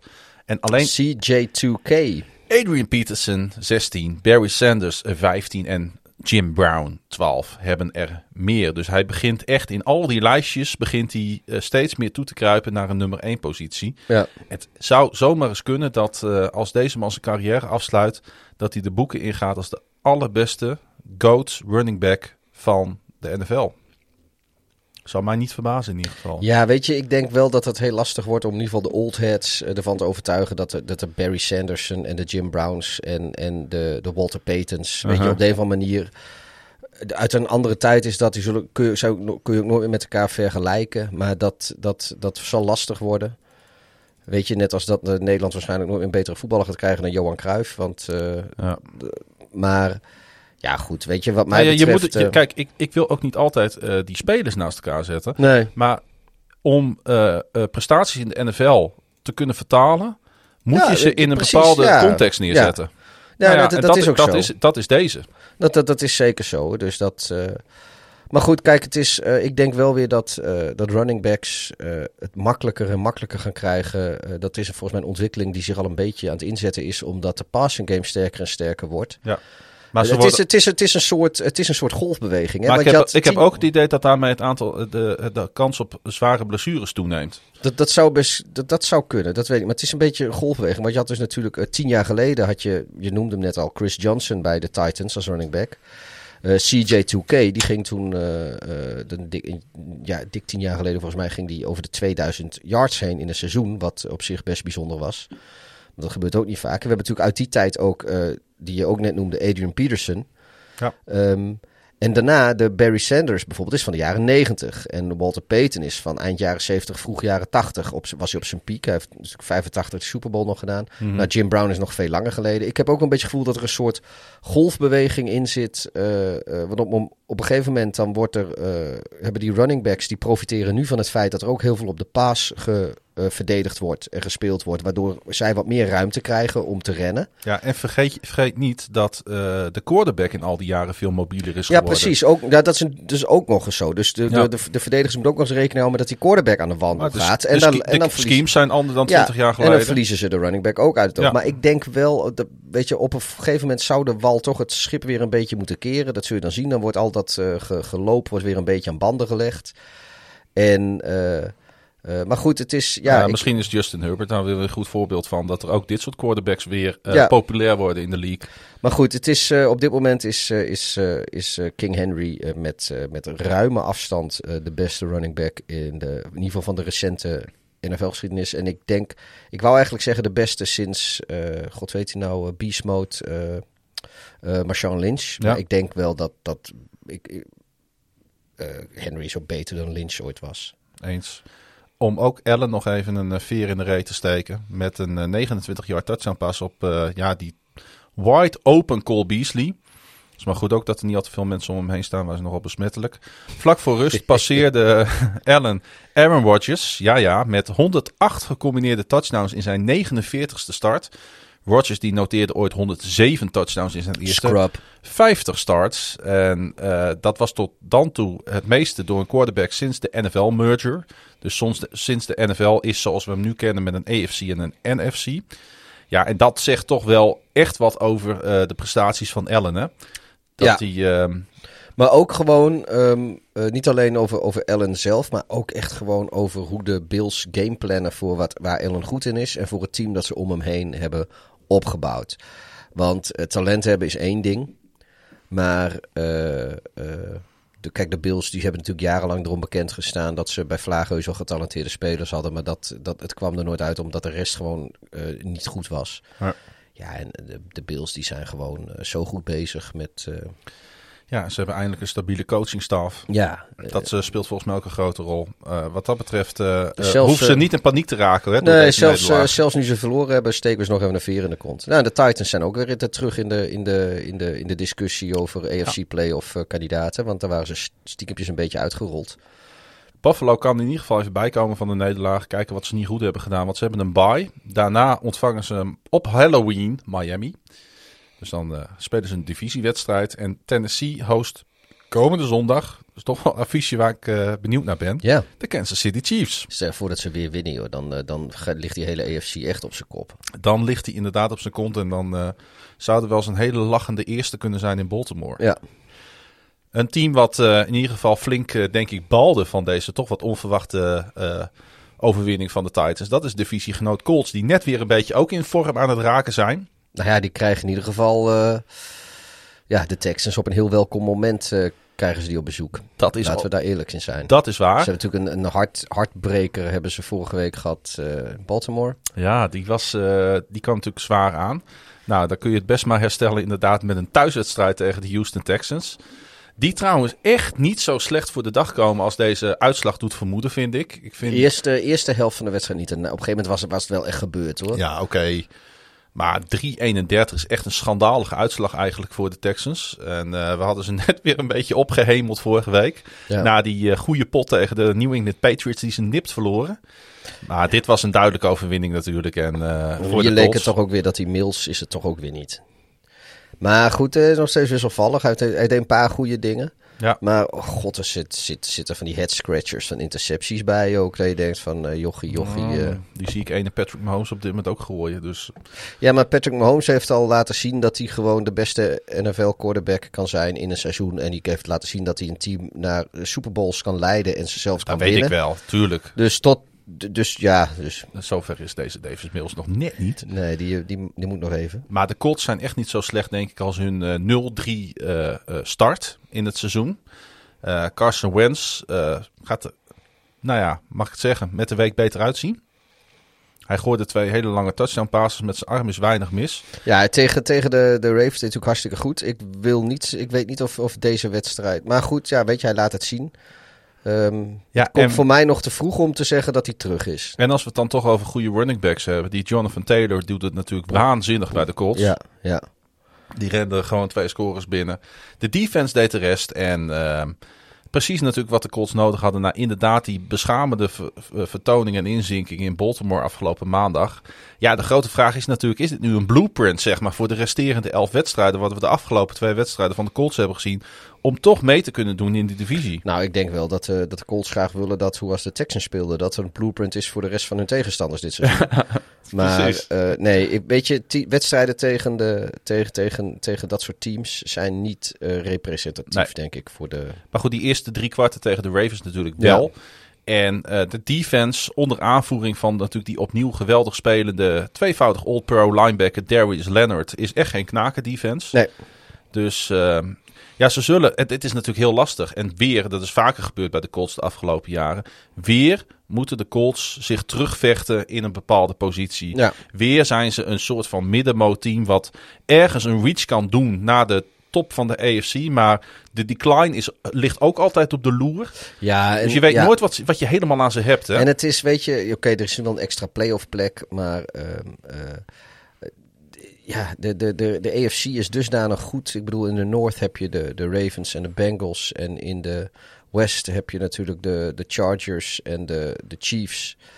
En, eh, en de Raiders misschien ook nog wel een beetje. de Raiders zijn er ook nog niet uitgespeeld. Zeker niet als je hun record vergelijkt met het record van de Colts. Nee. Die, zijn nu 2-4, geloof ik, de Colts. Moeten we straks even mij hebben ze nakijken. nu twee keer gewonnen. Ehm, Ja. maar eh, ja, en in de South zijn er gewoon is, is, is, zijn, zijn, de, zijn de Titans gewoon. Ja, de Colts de enige, enige manier voor hun om de, om de playoffs te halen. Oh, ik had de, de East nog niet genoemd, natuurlijk met in elk geval de, daar de Bills. Nou, daar, ligt En- maar weinig, de- eh, daar, de- ligt, daar is weinig concurrentie voor de playoff spots op dit Nee, moment. maar de, maar de Patriots zijn wel een, een concurrent voor de Colts. Dus ik, Mhm. ik, ik, kijk, de, de enige manier waarop de Colts zeker zijn van de playoffs is als hun divisie winnen. En dat lijkt op dit moment heel lastig. Want dat bedoel ik eigenlijk met dat de, de concurrentie zo moordend is. En ja, ik zie de Colts niet eh, met een tweede plek in de divisie de playoffs eh, halen. Dus ik niet zomaar een wildcard pakken. De Texans die spelen eh, ehm, tegen in Arizona. Waar natuurlijk voormalig Texans receiver DeAndre Hopkins nu tegenwoordig rondloopt. Ja. Zo mooi weerzien. En de Colts die spelen Sunday Night Daar Football. is ook, nou, DeAndre Hopkins heeft dus de revenge game tegen de Texans. Ja. En de Colts, en die hebben ook een speler met een revenge game tegen de 49ers. De Forrest Buckner. Ja, Die, eh, inderdaad. dit- die heeft nog niet eerder volgens mij na- met de Colts tegen de Niners gespeeld. Dus ook voor hem is dit een eh, revenge game. Laten we die AFC South dan maar even snel afmaken. Want de Jaguars die speelden natuurlijk in Londen tegen de Dolphins. En wonnen. En het was hun software engineer turned kicker. die eh, nodig was om een 20 game losing streak te beëindigen. Als een computer nerd een kikker kan worden, dan is er voor mij ook nog hoop. Ja, we hebben het over Matthew Wright. En eh, hij is ergens uit een hoge hoed getoverd door de Jaguars. En eh, ja, hij heeft laten zien eh, dat het niet voor niks is. En het, Waarschijnlijk is Urban Meyer hem tegengekomen in de kroeg. ja, het zou zomaar kunnen. Want het grappige was dat teamgenoten na de wedstrijd zeiden... Ja, we hebben, de- we hebben nog nooit van deze gast gehoord. Ik, we hebben nog nooit met hem gesproken. Er waren spelers die verbaasd opkeken wie er in vredesnaam het veld kwam oplopen. Ze hadden geen flauw idee. Misschien zegt dat ook wel weer wat over de, de, Jaguars. In de, in de kleedkamer, wie is dat? Oh, het zal wel, weet je. Het zal wel een fan zijn die een prijs gewonnen heeft, die zich, eh, die zich met ons mag omkleden. Nou, hij was in ieder geval anderhalve maand geleden was hij nog software engineer. Dat was officieel zijn beroep. Maar hij heeft vorig jaar ook al drie wedstrijden voor de Pittsburgh Steelers ge- gespeeld Oh, en oké. gekikt. Dus het is niet helemaal een onbekende, maar het lijkt een beetje zo'n kikker op oproep. Ja, wel een mooi, zijn. mooi verhaal. Zo van, het is, het is nog net niet zoals wat, eh, wat je in de NHL, in het, eh, in het hockey wel hebt. Dat, eh, dat er altijd nog zo'n, zo'n, zo'n, iedere thuisteam die heeft dan nog een soort goalie op afroep. En als ze dan echt, als een van de beide teams dan helemaal door de goalies heen is, dan, dan kunnen ze die oproepen. Dat was eh, voor een paar jaar terug was dat zo'n mooi verhaal. Dat ook gewoon een of andere gast, eh, die was in één keer, eh, mocht, mocht ja, die, ik kan het me herinneren ja, inderdaad. de exacte details weet ik niet meer, maar Nee. daar doet me dit een beetje aan denken. Ja, dat is inderdaad lachen. Ehm, eh, maar de Dolphins, Pietertje. Het begint toch wel echt nu een tranendal daar te worden. Ja, Dat Ik, zelfs met Tua als starter, dat je ja, op geen enkele manier boven het niveau van de Jaguars kan uitstijgen. Nee, ja, het, het, Tuas en Gesicki die, die vonden elkaar wel. Uh, Jalen ja, Waddle ook wel. Maar Gesicki is gewoon echt... Ik ben altijd al fan van... Ik Ja, heb het al vaker ja. gezegd. Vanaf het allereerste begin. Ik had eigenlijk gehoopt dat eh, toen eh, een paar jaar geleden de Ravens hem zouden kiezen in de draft. Hij liet het weer zien met een game high 115 yards, 8 receptions. Aan hem ligt het niet. Nee, Maar- het, weet je, ik weet ook niet waar het wel aan ligt. Nee, Ik- het ligt ik- ook niet aan Jalen Waddle. Nee, en, maar aan de ene moment denk ik het ligt niet aan Tua, aan het moment ligt het wel aan Tua. Ik heb nog steeds wat ik de hele tijd zei, ik ben niet... Iedere keer als ik denk van, oh het is toch wel wat, doet hij weer iets. eh, ik, ik, ja, niet... Ik krijg nog steeds een beetje een, een, een, dat heb ik vast vaker gezegd, een soort Trubisky gevoel bij. En dan niet zozeer qua eh, talent, maar wel dat, ik gun het de jongen heel erg. En eh, bij vlagen zie je ook wel dat, dat, dat het er wel in zit. En dan soms ook weer niet. En of dat nou is omdat Tua gewoon niet beter is. Of dat de, dat de Dolphins hem ook anders moeten gebruiken. Of, of de, de- weet je, de, de, de- zijn receivers helpen hem ook niet. Er worden ook wel regelmatig passen. Ze laten ze vallen. En Ja, oké. het, is, het is van alles. Maar ja, dat, weet je, dat gebeurt iedereen. En De play design is op zich Nee. niet zoveel mis mee. Want hij weet ook twee keer wel Jalen Waddle in de endzone te vinden voor een touchdown in zo'n wedstrijd. En de Ja. verdediging is op papier echt geen slechte verdediging. Maar laten het ook gewoon hartstikke afweten. En als je het dan hebt over die electric eh eh, vonk die bijvoorbeeld de Titans afgelopen speelronde hadden. Nou, dan mist hij al sinds het begin van deze competitie in Miami. Ja. Maar ja, weet je, als je, het, is, het is wel zo dat, dat eh, die O-line, die, die mist zoveel bloks. En, en Tua is eigenlijk continu under pressure. Ja. En running lanes zijn er niet, omdat die O-line daar ook... eh, je, je ziet ook dat, dat ja, met de route running gaat van alles mis. De, we- weet je, de, de, de, de hele Dolphins offense is op dit moment gewoon alles... Alles is out sync, niks klopt. En ja, dan is voor Tua ook heel lastig om daar wel... eh, eh, Dan mag je je toch ook afvragen of de coachingstaf daar natuurlijk goed bezig is. Maar eh, ja, natuurlijk. goed, ik, die ik, vraag hebben we ja, al vaker op Nou tafel ja, ik hoorde wel weer nu dat, dat her en der beginnen mensen ook te twijfelen aan Tua. Ik weet nog steeds niet of dat terecht is, maar dat heeft er ook mee te maken dat ik... Ja, ik heb wel mening over Tua, maar ik volg de Dolphins niet van zo dichtbij als de echte Dolphin-fans. Dolphins. Ehm, maar het schijnt wel weer dat ondertussen... Ja, we hebben tot week 8 is de trade deadline. Eh, we, we hebben natuurlijk nog altijd eh, de Sean Watson eh, in, in Houston zitten. En Miami heeft ten eerste een shitload draft capital. Mhm. En al eerder schijnen daar volgens de geruchten schijnt er interesse geweest te zijn. Ja. Ik zeg niet dat het gebeurt, maar ik zou ook niet verbaasd zijn als er alsnog iets gebeurt. Afhankelijk ook een beetje van wat die strafrechtelijke situatie Ik wou is. net van zeggen, als de Texans toch van, eh, vanuit publieke opinie eh, de Sean Watson niet kunnen, dan wel mogen opstellen. Nou, de Sean Watson wil niet spelen. Hij wil niet spelen voor de Texans. Maar het is natuurlijk ook een stuk pu- publieke opinie dat als je hem wel opstelt, wat doet dat met je franchise en het aanzien van je franchise? Ja, ik weet het niet. Eh, uiteindelijk. Zou het dan in Miami minder erg zijn om iemand met deze reputatie en de feiten die hij dus waarschijnlijk heeft gepleegd, moet allemaal nog bewezen worden.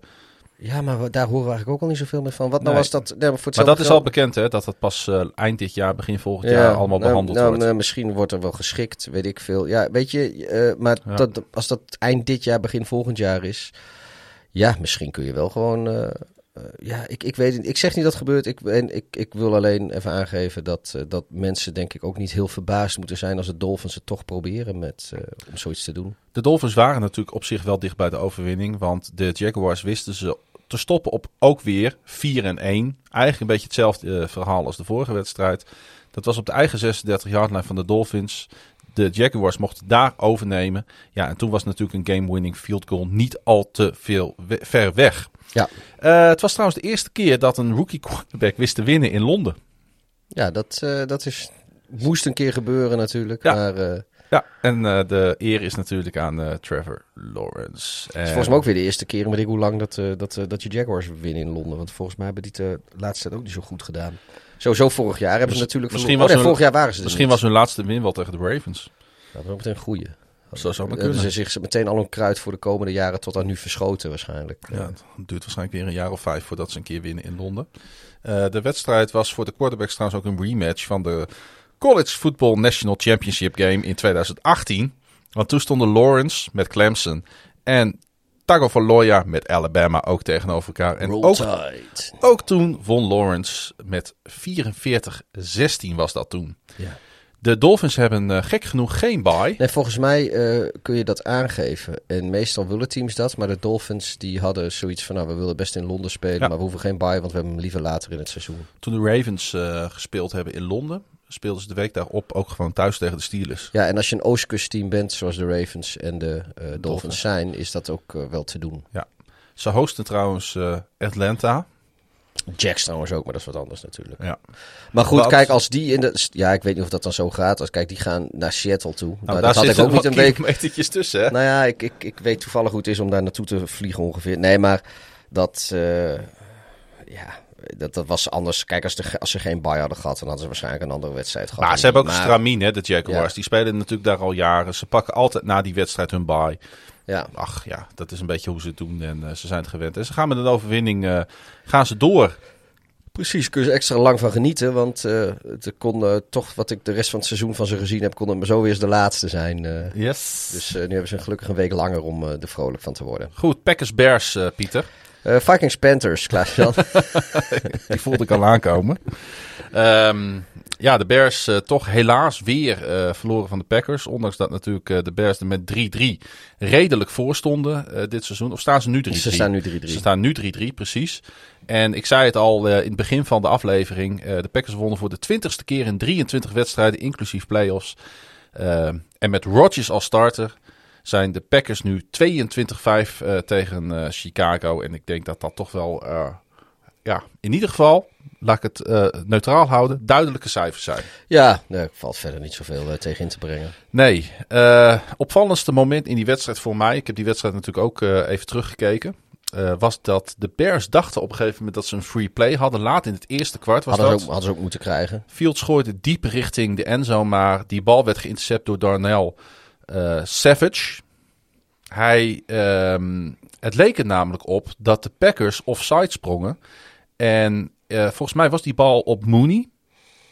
Eh, ja, volgens mij wel. En Mooney, die, nou, die zag Of, die of interceptie. eh, Wilson, ja, Mooney, Wilson, ja, ik weet het niet meer. Nou, maar ik goed. dacht Mooney. En die keek, want ik heb, hij keek namelijk om zo van, nou ja, dan gaan we weer klaarstaan. Want Ja. eh, het was een free play en we krijgen ook nog eens eh, ja, een 5 yard extra en waarschijnlijk een automatic first down. Dus ja, eh, nee, lekker precies. doorballen. Ja, dat dacht iedereen. En dat dacht iedereen, maar er kwam geen enkele vlag. En ik denk dat dat toch een klein beetje een soort van kantelpuntje in die wedstrijd werd. Ja, weet je, het is wel gewoon, kijk, vooropgesteld.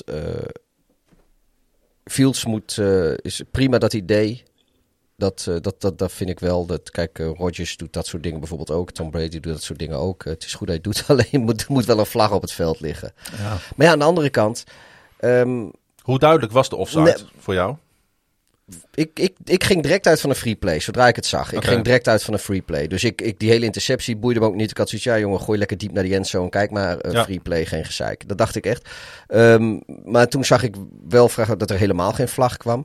Kijk, het punt is natuurlijk ook, soms komen vlaggen ook gewoon heel laat, hè? Nog steeds. Soms zit er, en, Ja. en, dat, en ja, de O-line van Chicago, en het, het, zat, het is ook niet zo dat, dat hij daar even rustig op kon wachten om te kijken of er een vlag zou komen. Op een gegeven moment moet je ook gewoon, nou we gaan gewoon spelen en dan let je niet meer op vlaggen, dan let je op eh, waar je die Op die bal read, heeft, ja, waar, je- waar je die bal eventueel Ja. kwijt kan. En eh, nou ja, goed, dus dat, eh, dat is gebeurd. Maar er zaten wel meer dingen in. En eh, ja, ik vond hier wel dat de scheidsrechters, dat, dat die gewoon, dit was een miskleun, vond ik. Ja. Eh, en zo hadden ze nog wel een aantal andere ook hoor. Ik, eh, Het was over de hele wedstrijd niet best, hè? Nee, en de, de, de, de Bears hebben er ook wel van geprofiteerd. Maar ik denk, ja, weet je, als je toch een beweegschaal moet leggen, dan, eh, dan is het toch, hebben de, de Packers daar vooral profijt van gehad. Ja. Er was op een gegeven moment ook een situatie dat de Bears ze stopten op de third down, dat ze ze net, net de first down niet oppakten. En ze waren anderhal, echt ook anderhalf, twee jaar tekort. Dat was echt heel ver. Dat, ik had ook zoiets van, nou, ik pak even rustig, eh, weet je, ik ga, ze gaan punten waarschijnlijk, want het was niet Mhm. echt een eh, op fourth down ervoor gaan situatie. En ik kijk wel, het is gewoon first down. Ik denk, van, huh? En echt, niemand snapte dat. dat. Maar aan de andere kant, ja, weet je, er wordt dan ook niet echt heel... Ja, je, kunt challengen geprotesteerd. Ja, natuurlijk. precies. Er wordt, dat gebeurt dan ook niet. En ik ook, waar slaat het op? Ja. Maar ehm, ja, dat, dat was wel een puntje wat me, wat me stoorde. En natuurlijk, wat ook... Maar was het dan weer typisch zo'n wedstrijdje? Ja, het zat allemaal net even tegen. Ja, dan zit het gewoon net even tegen. Weet je, ook die eh, ehm, eh, Mario eh, Williams, die, die of sorry, Mario Edwards, die die, die, die een sportsmanlike conduct tegenkreeg, Ja. 15 yard. Terwijl er eigenlijk een sack was op third down. Dus in principe was dat de drive van de Packers was, was daar beëindigd. Eh, ja, en dan eh, begint die Rodgers, die begint aan zijn face mask te pielen. En, eh, en, en Mario Edwards die zegt van, joh, eh, moet je niet doen. En die Ja. wijst met zijn vinger. Vlag, 15 yard penalty. automatic first down Ja. en die drive gaat door. En dan Je, komt, dan komt de het het touchdown hele jaar uit. al, hè?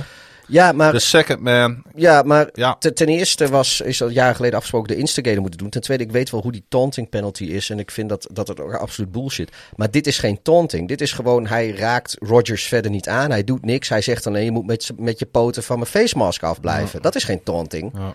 Maar goed, eh, ja, weet je, dat... Nogmaals, eh, de Bears moeten gewoon beter spelen als ze de Packers willen verslaan. Dat is maar ding wat, eh, wat maar, maar duidelijk is, ja. dit soort dingen is wel heel vervelend. Want het, net als die, die free play, die, eh, die eigenlijk een drive-ender is voor de, voor de Bears dan. En eh, terwijl ze uitgaan van, van niet. Eh, en, Maar een drive ender, eh, eh, die wedstrijd kan anders verlopen als de Bears die drive gewoon eh, met een touchdown afsluiten. Nou ja, of, of als, eh, weet je, eh, ja, als, als, die, als die vlag er gewoon is. Of, eh, Ja, precies. ja. En, Nou ja. Of aan de andere kant, kijk, als, als, als die, die vlag dan ook gewoon echt totaal niet, niet komt en er is geen, geen offsides, ja, dan kun je ook gewoon rustig verder gaan met de play die in je hoofd had. En misschien pak je dan ook wel de first down. Maar dat en die, die, die 15 yards, zeg maar, voor die, eh, die zogenaamde taunting penalty op Rodgers, ja, weet je, dat zijn hele dure, hele dure dingen. Want Ja. in, in principe hadden de, hadden de, de Bears defense, hadden, hadden de Packers daar gestopt. Ja, en weet je, de Packers zijn gewoon te goed. Zeker als ze tegen de Bears spelen. Eh, en de Bears die spelen altijd net wat minder als ze tegen de Packers spelen, heb ik het ook het idee. En ja, alles, alles moet gewoon meezitten. Willen de Bears een keer winnen. En ze maken zelf fouten. En dan zitten wat scheidsrechtersbeslissingen niet mee. En je hebt altijd, nou, dan eindigt het weer zo. En wat dat betreft hadden denk ik heel wat Bears fans gehoopt ook op de Crosby van een week daarvoor. Ja, Maar dit keer was hij gewoon één uit één en hij raakte alle drie extra points goed. Want hij had natuurlijk ja, een shaky outing tegen de Cincinnati Bengals. ja Maar, die had eh, er een weekje eerder wel mogen, of een weekje later mogen hebben. Precies. Maar goed, was niet. De Packers die hosten Washington en de Bears die reizen af naar Florida. Die spelen, eh, jullie spelen zondag bij de Tampa Bay Buccaneers. Ja, lekker makkelijk weer.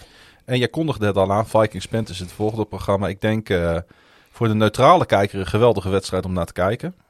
Want de Vikings zijn bijna altijd leuk om naar te kijken. En de Panthers, eh, dat valt ook op zich niet tegen dit seizoen. Nee, dit was wel, eh, dit was echt een hele leuke pot. Ja. Ik, eh, ik had persoonlijk had ik. niet zo ik- goed trouwens, altijd. Nee, maar dat weet je, als, als alles heel goed is, is het vaak niet leuk.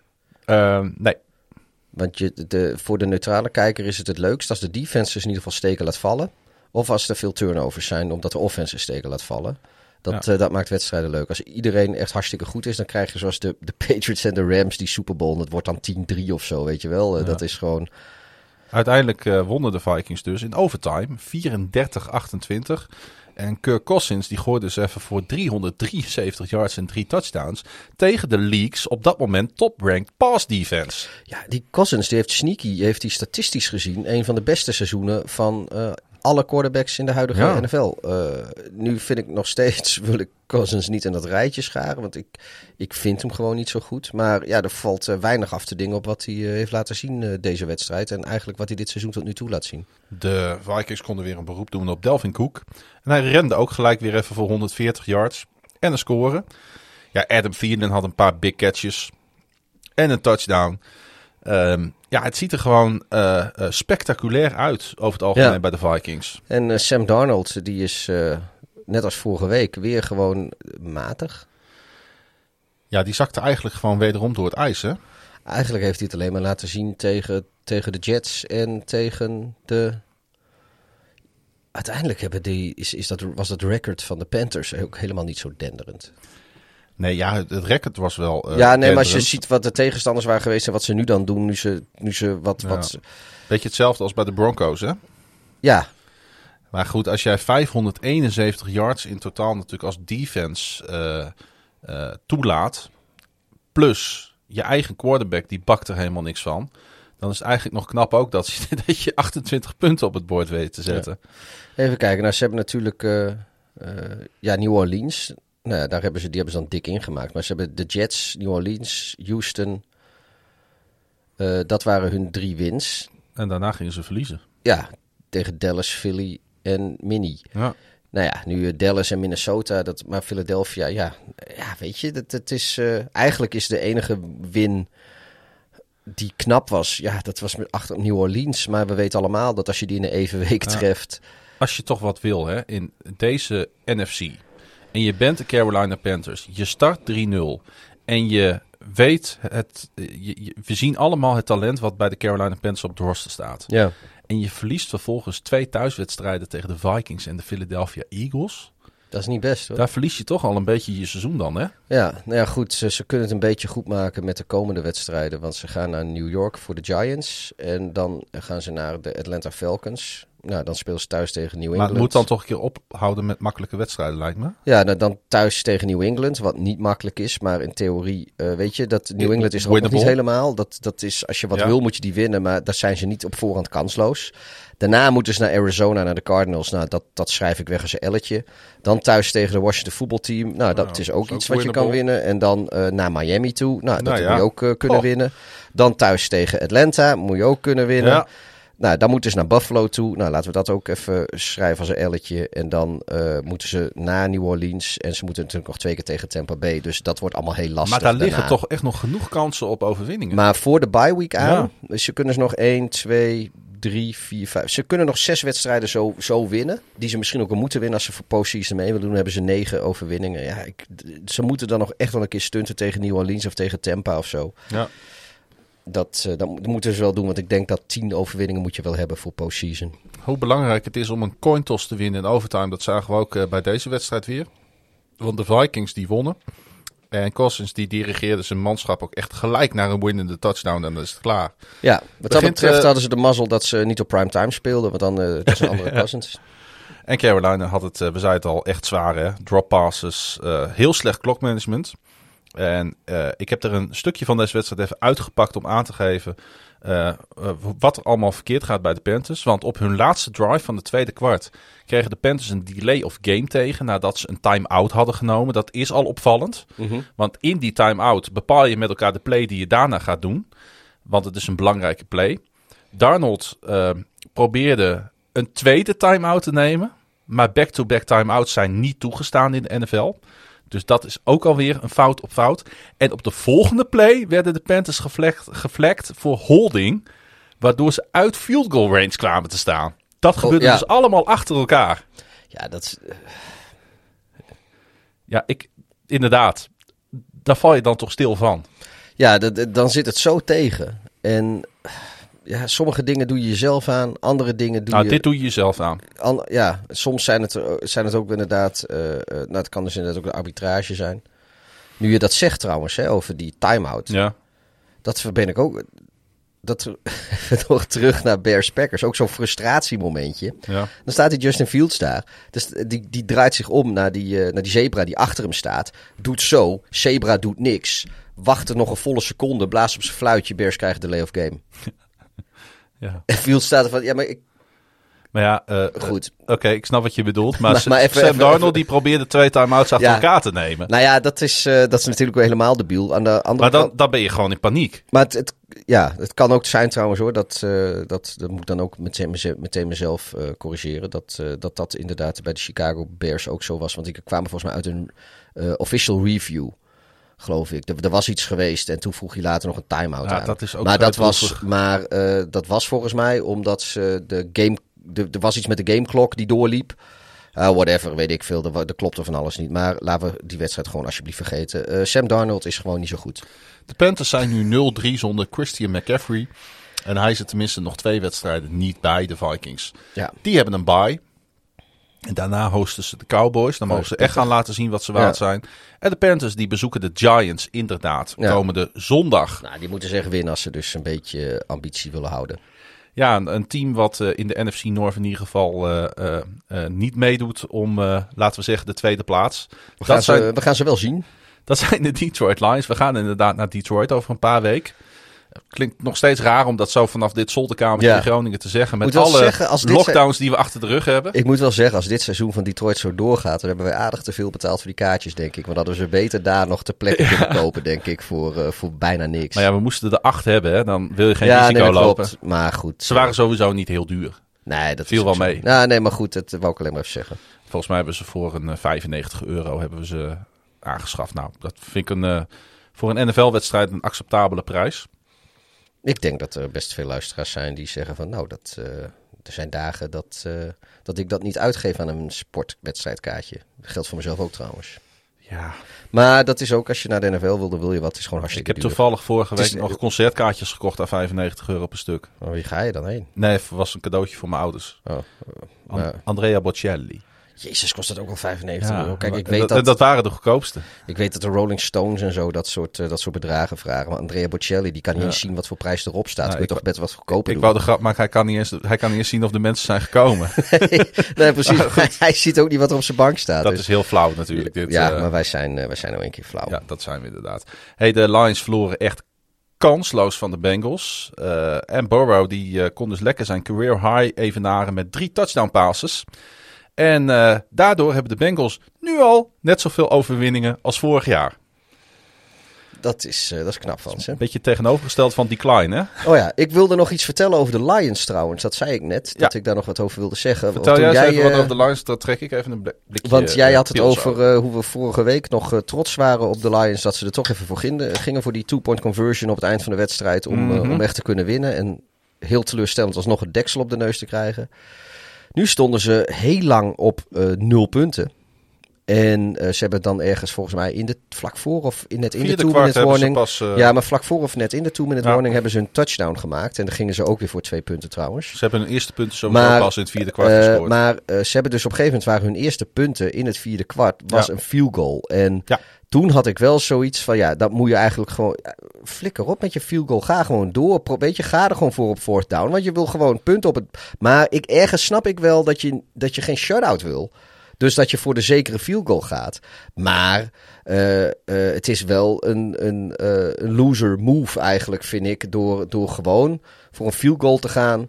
Eh, eh, Nou. in het, niet dat je die wedstrijd anders kan winnen, Sorry, maar nee. ga gewoon. door. Weet je, Ik het is, ben- je ik- geeft op. nou, je ik geeft ben het op. niet met je eens. Ik ben het gewoon niet met je eens. Want diezelfde Pieter, als die dit nu zegt, zegt altijd van... Ja, als je met nul punten een wedstrijd eindigt, dus als je geshut-out wordt... dan moet je wel enorm knaken zijn, want je moet in ieder geval drie puntjes kunnen maken. Ja, nee, maar goed. dat zeg jij altijd. Ja, nee, dat klopt. dus maar, nou spreek je jezelf Nee, tegen, maar ik, ik, waarde ik, Pieter. ik, ik vind wel gewoon dat, eh, dat je, dat je er, er vol voor moet gaan. ja, je kunt niet één en het ander hebben. Of je zet een paar punten op het bord, of je gaat met nul naar huis. Nee, maar het was, het was de, de fourth down was niet, het was niet geen fourth and ten of zo, hè, wat ze deden. Nee, oké. Of waar die, waar die field goal uitkwam. Kijk, dat is wat anders. Maar het is, wat is het, fourth and two of zo? Dan kun je er gewoon Ah, voor ja. gaan. Tegen een team als de Bengals, dan kun je altijd nog wel een garbage time touchdown maken. Nou ja, goed, dat hebben ze uiteindelijk ook gedaan. Ja. Maar ergens vond ik het eh, een beetje niet helemaal in de, in de filosofie van Dan Campbell passen. Zoals we dat, Nee, tot, dat tot, nu tot, nog, tot, tot nog toe dit seizoen gezien hebben. Ehm, Over Dan eh, Campbell gesproken. Hij eh, had toch eh, openlijk kritiek op zijn quarterback na de wedstrijd. Op Goff. Ja. Hij zei, ik vind dat hij step op. De, hij moet zijn game, hoe noem je dat in het Nederlands? Hij moet, hij moet, hij moet beter spelen. Ja, dat nou, weet je, eigenlijk. en dat is helemaal terecht. Kijk, het is absoluut geen geheim dat ik geen grote Jared Goff-fan ben. Ja. En ik ga het nu ook een beetje in perspectief plaatsen. Jared Goff is de omgekeerde Lamar Jackson. In wat betreft de discussie zoals die in de Amerikaanse sportmedia of in de NFL sportmedia eh, eh, gevoerd wordt. Want eh, bij Jackson is het zo dat dan doet hij iets goed. En dan zeggen ze, dan wordt de narrative, wordt, ja, maar dit, dit kan hij niet. Hij kan niet pasen. Nou, dan bewijst hij dat hij kan pasen. En dan, ja, maar hij kan alleen maar door het midden pasen. Hij kan niet zo goed naar de zijkanten pasen. Nou, dan doet hij dat. Nou, en dan is, weet je, er wordt altijd weer iets Wordt gevonden. vraagtekens bij Ja, er wordt altijd weer iets nieuws gevonden waardoor, Lamar, wa- waardoor je zou kunnen zeggen eh, dat Lamar Jackson niet goed is. Mhm. Of niet zo goed is als mensen zeggen dat hij is. Ik kan dat als Ravens fan wel beamen. Ja, en bij Jared Goff is het precies andersom. Altijd als hij shit verkeerd doet, dan wordt er altijd weer iets gevonden. Ja, maar dit doet hij wel goed. En dan lukt dat ook niet. En dan, ja, maar dit kan hij wel. En dan gaat dat ook niet meer. En dan, Snap je wat ik bedoel met de omgekeerde... Dat is een Mhm. beetje... Of de Goff en, en Jackson zijn wat, wat medianarratieven betreft... eigenlijk elkaars eh, tegenovergestelde. Goff heeft wel heel veel slack, zeg maar. Ja, waar, waar Lamar Jackson dat totaal niet krijgt... en ze Mhm. iedere keer iets vinden wat hij niet kan... zoeken ze bij Goff steeds harder en verder naar iets wat hij wel kan. En Goff is gewoon niet zo'n goede quarterback. Eh, Gewoon niet. En de Lions gaan ook niks bereiken met Goff. Want de Lions zijn gewoon geen goed team. En, en de, de, de playcalling van McVay en het talent op de Rams... die hebben, die hebben Goff nog als een serviceable quarterback laten lijken. Sterker nog, die, die, daar zijn ze mee naar de Super Bowl gegaan. Maar ja, goed, eh, Trent Dilfer is destijds, heeft hij met, eh, met de Ravens ook een Super Bowl gewonnen. En dan laten we ook alsjeblieft niet doen alsof dat een, eh, meer dan een serviceable quarterback was. En ehm, ja, eh, dus ik snap wel dat eh, Campbell eh, gefrustreerd is met Goff. Maar aan de andere kant, als Campbell de laatste jaren naar Goff had gekeken, hij, ze weten precies wat ze hebben. Ja, ik denk dat Campbell ook echt wel exact vooraf dit seizoen wist waar hij instapte. Dat heeft hij ook wel een klein beetje aangetoond, vind ik, door zijn uitspraken. Hij gooit het nu op team inzet en op effort. Daarmee moeten de Lions natuurlijk wedstrijden gaan winnen. Maar ondertussen hebben ze gewoon een losing streak van 10 wedstrijden. En dat is na de overwinning van Jacksonville nu de langste active losing streak in de NFL. Zullen we heel even het schedule van de Lions erbij pakken en kijken wat ze nog gaan winnen? We gaan even op 17 of 017 watch. Ja, Hoe lijkt je dat? Gaan we even gewoon even maar. Eh, nou, de volgende wedstrijd voor hen is at Los Angeles Rams. Ja. Dus dat winnen ze niet. Dan spelen ze thuis tegen de Eagles. Nou ja, die zou je in theorie kunnen winnen, maar ik zie dat... dat Ik zie dat niet gebeuren. Dat, en dat, ik, dat eh, is geen zekerheidje. nou, geen zekerheidje. De Eagles doet eigenlijk gewoon best wel goed. Ja, dan moeten ze at, Spit, at, at bye week en dan at Pittsburgh, Ja, die gaan je ook niet winnen. at Cleveland. In principe ook niet. Thuis tegen Chicago, waar wij bij zijn. Ja, ik Nou ja, schat, eh, Al- er is toch wel een niveau hoger in. ja, dat mag toch. Dan thuis tegen de Vikings. Hetzelfde niveau ongeveer. Op bezoek bij Denver. Nou ja, daar zou je daar zou je weg kunnen stielen. Ja, eh, dan thuis tegen Arizona. Of ja, thuis tegen Arizona. Dan Ja. op bezoek bij de Atlanta Falcons. Dat, dat is ook nog. Dan op bezoek bij de Seattle Seahawks. En dan thuis tegen Green Bay. Dan hebben ze de pech dat de, de Denver en Atlanta. Dat zijn denk ik eh, even. Ik ga niet mee in de negatieve frame dat Chicago een winnable wedstrijd moet zijn. Zo, zo ben ik niet. Eh, maar Denver en Atlanta, dat zijn denk ik de wedstrijden waar ze het van moeten hebben. En die zijn allebei uit. En daar zijn ze op hun best. Ja, maar goed. Dat klinkt heel raar, Ja, maar ze hebben over het afgelopen jaar gemiddeld meer uit dan thuis gewonnen. ja, maar toch, eh, eh, ik weet het niet hoor. Ik, ik, die, die 017. Ik zeg niet dat, die, dat er gebeurt, maar die zit er, eh, het is niet onrealistisch om te zeggen dat dat gebeurt. Ik gun het ze in ieder geval niet. Weet je dat dat eh, trouwens wel heel, heel eh, grappig zou zijn, in, in, om het zo bij gebrek aan beter woord. Want Dan Campbell was speler van de Lions toen ze 016 gingen. Huh. Dus toen was hij eh, speler in het eerste team ooit dat 016 ging. Dus het zou wel heel typerend zijn als hij de eerste coach is die 017 gaat. Dat zou een waanzinnige stat zijn. Ik eh, ben wel een beetje van die man gaan houden hoor. Ja, ik, ik van mij Ik mogen vind het het best... een hele eh, prettige verschijning in de NFL. En ik, ik gun het. ik, ik denk dat jij ze sowieso wel twee overwinningen gunt tegen Pittsburgh en Cleveland bijvoorbeeld. me dunkt. De Bengals, die hebben nu zeven keer op rij van de Lions gewonnen. En de laatste zege van Detroit dateert uit 1992. Ik denk dat de laatste nederlaag die, eh, die de Bengals in Detroit hebben gehad... dat is denk ik in 1989 geweest... tegen de San Francisco 49ers in de Super Bowl die daar gespeeld werd. In de Pontiac Ja, Silverdome. de, qua Nederland. Nee, want, de want Bengals Detroit verloren. heeft in 1992 nog gewonnen van ze. Maar of dat in Detroit was, weet ik trouwens niet. Oh, dat weet ik zo ook niet. Oh ja, dat is inderdaad eh, sinds twee... oh, Oké. Ja. Maar volgens mij hebben ze, maar volgens mij hebben ze, hebben ze die Bengals en, en Niners Super Bowl was volgens mij in Detroit in Pontiac Silverdome. Dat zou heel goed kunnen, inderdaad. De Bengals die spelen zondag in Baltimore. En de Lions die reizen af naar de Matthew Stafford-led Rams, inderdaad. Dus dat wordt ook weer een, eh, een heel aardig eh, weerzien. Ehm, een wedstrijd die, ja, de Browns zijn, de- eh, zijn weer Browns. Ehm, die dus aan de ene kant misschien verloopt zoals die je denkt dat je hem verloopt. Dat, dat, die- dat die gaat verlopen. Aan de andere kant denk je als je het affiche van tevoren ziet, dat kan wel eens een knallen van een wedstrijd worden. Werd het dus niet. En eh, ja, jij zei het al een beetje. Uh, weer uh, verliezen de Browns hier een wedstrijd waarin ze hadden kunnen bewijzen voor real te zijn. Door Ja. een ander topteam te verslaan. Ja, nou goed, ik zei het volgens mij inderdaad in het begin eh, ook al even. Zolang de Browns eh, dit soort wedstrijden niet winnen, zijn ze even favoriet af, denk ik. Een beetje pas op de plaats maken. En eh, ja, dat valt me eigenlijk wel een beetje tegen. Want ik, ik stiekem vind ik de, de Browns natuurlijk gun. Ja, ze zitten bij jou in de divisie, dus voor jou ligt het anders. Maar ergens na zo, zo verschrikkelijk veel misère, eh statistiek brekende ellende die ze daar gehad hebben, gun ik ze ook wel eens een keer eh, eh, succes. Maar dat lijkt dit seizoen weer, eh, misschien ben ik wat voorbarig, maar het lijkt er weer niet in te zitten. Nou ja, je hebt wel gelijk. Als je mee wil doen met de grote jongens, dan moet je ook de grote wedstrijden een keer winnen. Ja, want ze zullen heus eh postseason nog wel halen hoor. Dat is, ik zie ze zo nog de play-offs halen. Zo, zo goed. Ja. Maar daar komen ze dus wel de teams tegen waar ze niet van kunnen winnen. Eh, de, de, de, daar komen ze de Chargers eh, wellicht tegen. Daar komen ze de Bills tegen. Daar komen ze de Ravens misschien wel Ja. tegen. Daar komen ze de Chiefs eh, tegen.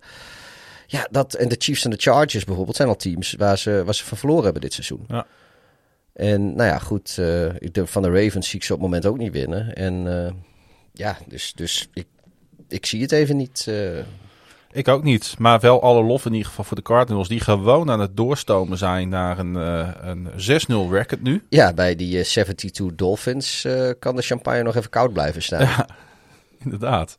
Nee, ja goed. Het is gewoon een krankzinnig eh, goed seizoen van de Cardinals. Waar alle puzzelstukjes eh, eh, ook nog eens op blijven staan. Want dat, die mazzel hebben ze natuurlijk ook nog. Dat ze weinig eh blessureleed hebben. Eh defense ziet er goed uit. De passing game ziet er goed uit. Eh, run game is natuurlijk wat minder. Maar met Murray heb je natuurlijk sowieso al een, eh, een extra wapen in huis.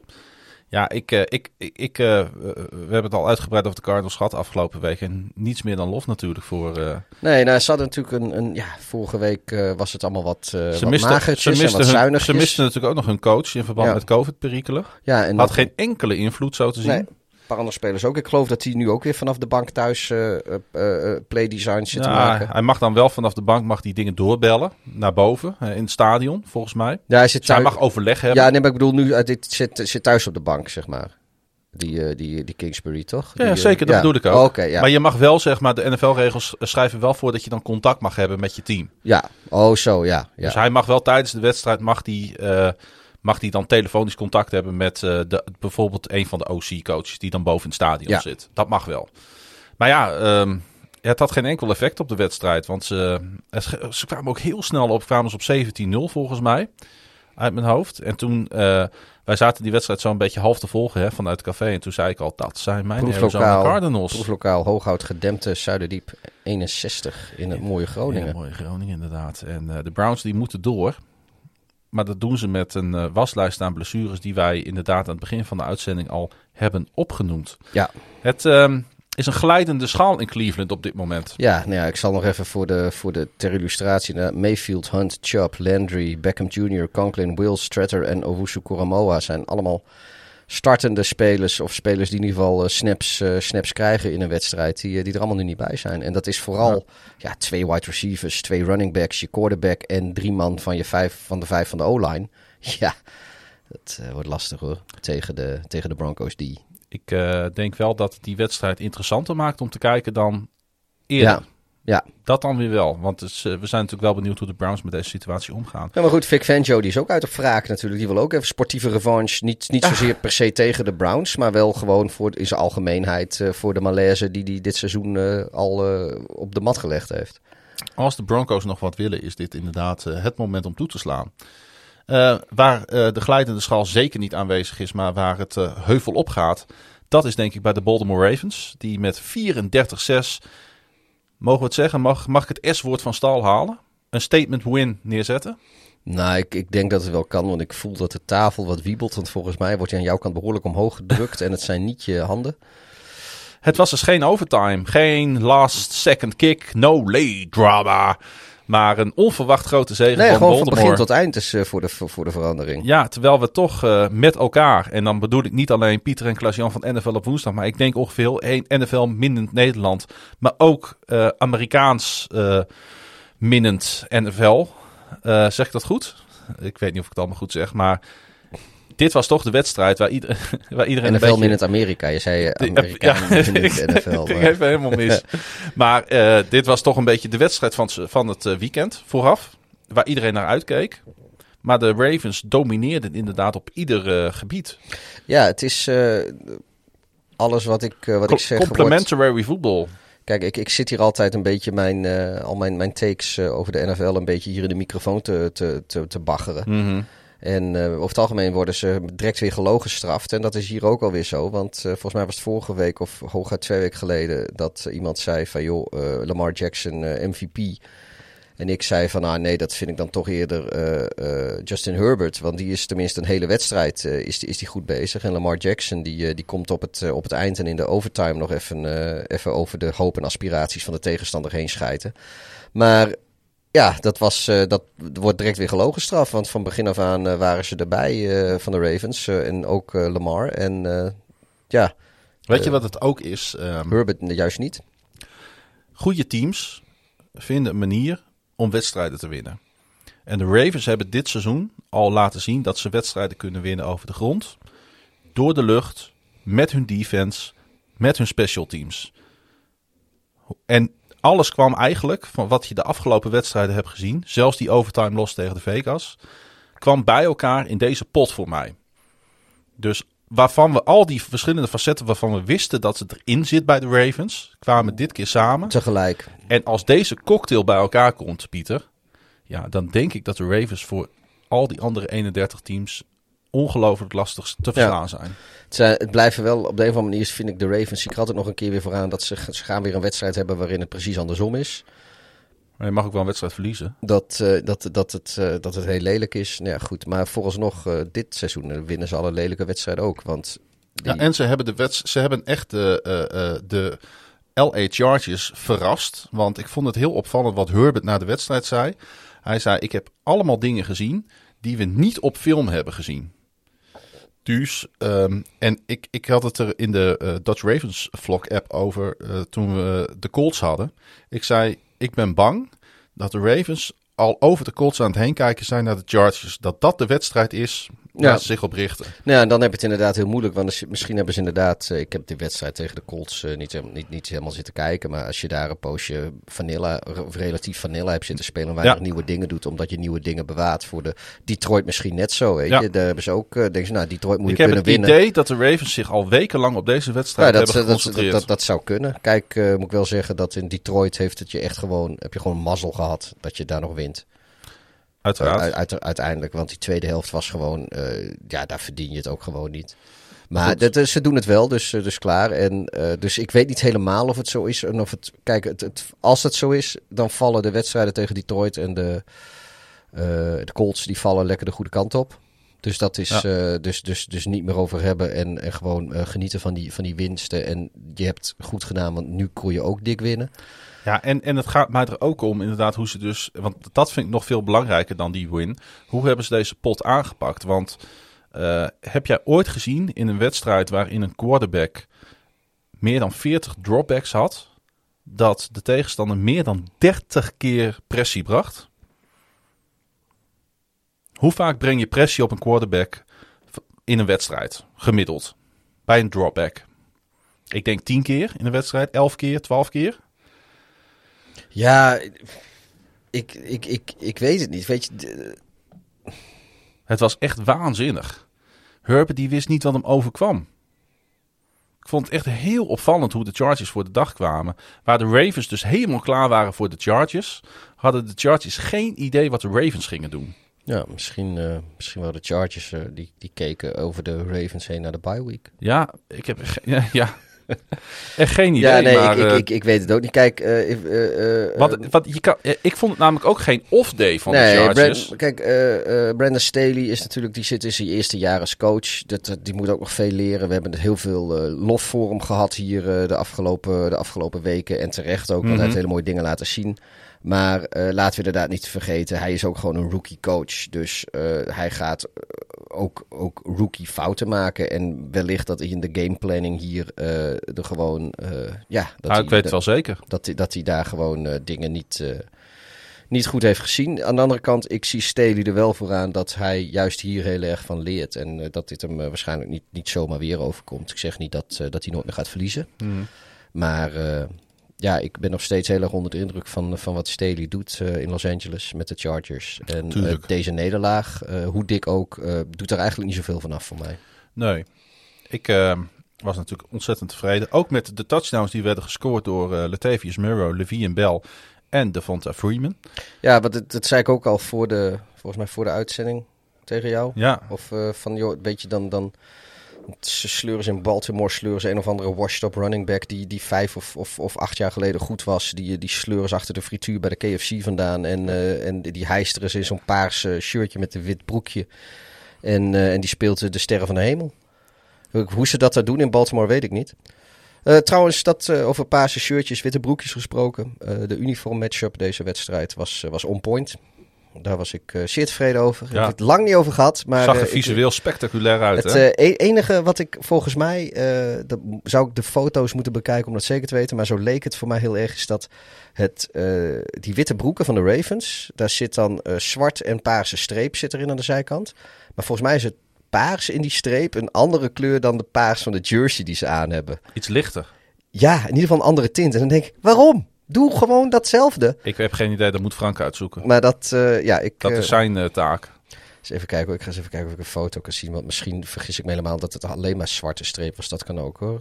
Maar als er paars in zat, was de andere kleur eh, dan... eh, Waar ik in ieder geval eh, Josh Allen eerder deze uitzending een eh, veer in de reet stak, mag ik dat dan ook bij Lamar Jackson doen?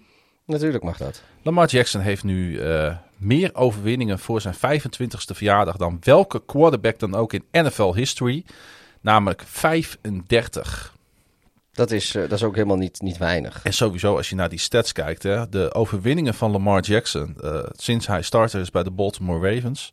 Ja, eh, de Ravens behoren tot de absolute top in de, in de NFL natuurlijk. Ja, het is iets andere, het is best een beetje blauwig bijna. hè? Ja, het, het is blauw Ja, in de broek en paars. En Ja. dat, dan denk ik van, jongens, jullie zijn er bijna. Bijna. Ik hou sowieso niet zo van de wit-paars combinatie. maar Oh, ik vind hem- ik vind hem mooi. hardop zeggen. Ik vind, hem heel, ik, vind, ik vind dit het mooiste wat de Ravens hebben. Maar ik vind dus wel dat dat paars, Ja. of dat dat blauw uit de broek, dat Ik moet ben, meer van de, worden. ik ben meer van de, van de, van de, van de black. Ja, maar jij bent sowieso een beetje zwart-wit persoon. Klopt. Maar het is een waanzinnig uh, stat. En uh, ja, ik, uh, de, de, de Ravens gaan met de week weer meer plezier aan Lamar Jackson uh, natuurlijk beleven. En ik denk ook voor de mensen die gewoon de NFL volgen, dat het heerlijk is om naar te kijken. Lijkt mij in ieder geval. Ik ben Ja. fan, dus ik juich. Maar ik denk ook dat als je gewoon een, een leuke wedstrijd wil zien en je wilt tof NFL voetbal zien, zet de Baltimore Ravens op. Spektakel gegarandeerd. Op next, de Chargers hebben... Zeker als, hebben, als jij er ook bij bent. Nou, ik heb, dit keer heb ik vrij onderuit gezakt trouwens uh, uh, naar deze wedstrijd. Een grote, grotendeels in de trein ook. Ja, op de terugweg van Sparta Groningen. De Chargers die uh, hebben dus een weekendje vrij, je zei het al. Daarna ontvangen ze New England. ja, zo, ja, dat zou een bounce-back wedstrijd voor ze moeten zijn. Eigenlijk wel, hè? Vorig jaar verloren de Chargers, weet je dat nog, met 45-0 van de Patriots. Dat was opeens die gigantische klappen van Cam Newton tussendoor even. Ja. Toen Cam Newton even was vergeten dat hij Ja. niet meer goed was. Ja, dat was wel heel opvallend. En uh, Baltimore ontvangt Over, uh, Cincinnati. Trouwens, over Cam Newton gesproken. Ik weet niet wat de laatste status is, maar hij heeft zich laten vaccineren. Dat heeft hij ook aan iedereen verteld. Uh, en volgens mij was hij in gesprek met Seattle. Want daar zitten ze natuurlijk toch een beetje een quarterback verlegen, zolang Russell Wilson niet mee kan doen. Dat, dat, dat is, is, was, is nieuws van eerder, van vandaag en van gisteren. Dus Newton is en gevaccineerd en hij schijnt met Seattle te praten. Toch heeft uh, Gino Smith het daar uh, helemaal niet zo verkeerd gedaan afgelopen weekend. Maar je ziet het vaker bij een backup die uh, de eerste wedstrijd mag spelen nadat zijn starter uh, geblesseerd is geraakt. Tegenstander heeft er nog niet zo goed uh, op kunnen playboeken, zeg maar. Mhm. -huh. Heeft nog niet zoveel tape natuurlijk ook gezien van deze quarterback die... Ja, wanneer zal hij voor het laatst een volledige wedstrijd hebben gespeeld, die Gino Smith? Volgens mij 2017 of zo. Nou ja, Gino Smith, dat was toch die, die, die was toch bij de Giants? Jets, Jets. Of bij de, maar die is toch op, op zijn bek gerost door een, door een teamgenoot in de kleedkamer. Die, is toch, die, die heeft toch klappen gehad van een teamgenoot? Weet ik niet, moet je opzoeken, weet ik niet meer. Dat is, daar, daar ken ik Gino Smith van. Nou, ik ken Gino Smith vooral gewoon ook als speler in de NFL nog. Al weet ik niet eens meer precies wanneer hij dus zijn laatste wedstrijd uh, speelde. Ja, het was natuurlijk wel even de vraag hoe de Seahawks voor de dag zouden komen zonder Russell Wilson. Even kijken. Maar ja, jij moet natuurlijk eerst eh, dit opzoeken. Ja, Zo midden in de uitzending. ja zo doe ik ook. Mensen Maar- wachten wel even. Ja, ik, ik zie hier ook ik zie hier een, een nieuwsbericht of een, een verhaal op, eh, op ESPN. One punch, two lives altered. The inside story of the Jets 2015 locker room fight. Todd Bowles was toen coach en Gino Smith, die, eh, die was toen zes weken, zes weken heeft aan de kant gestaan met, met een fractured, fractured jaw. Dus dat gewoon een, een, een gefractureerde Kaak- kaakbreuk. kaakbreuk. Omdat hij een, eh, een, volgens coach Bowles was het een sucker punch van eh Aiki Enem, Enem Kepali. Eh, ik weet niet wie, wie dat is. Maar in ieder geval dat... ja, ik, het komt in één keer komt het terug dat Gino Smith... dat was toch die gast die klap had gekregen van een teamgenoot. Maar 2015 was dat dus al. Ja, ja, dat onthoud jij dan weer, hè? De, Ja, nou, dit is toch een verhaal. Nee, dat kunnen onze luisteraars toch niet onthouden, dit. Dat hij dat hij zes weken aan de kant heeft gezeten met een kaakfractuur... omdat een teamgenoot hem op zijn op zijn bakkes geslagen had in New York. Ja, ik vind het wel een verhaaltje, hoor. Dat is zeker een verhaaltje. Bedankt hiervoor. Alsjeblieft. En eh, eh, ja, willen we nog wat over deze wedstrijd zeggen? Nou ja, eh, er was één bepalende play natuurlijk. En dat was natuurlijk weer eens TJ Watt, die helemaal terug is weer van zijn blessure. Hij strip-sackte Gino Smith tijdens overtime. Dat bleek dus de bepalende play te zijn. Want toen kon Chris Boswell af aanleggen voor een game-winning field goal. En hij schoot raak.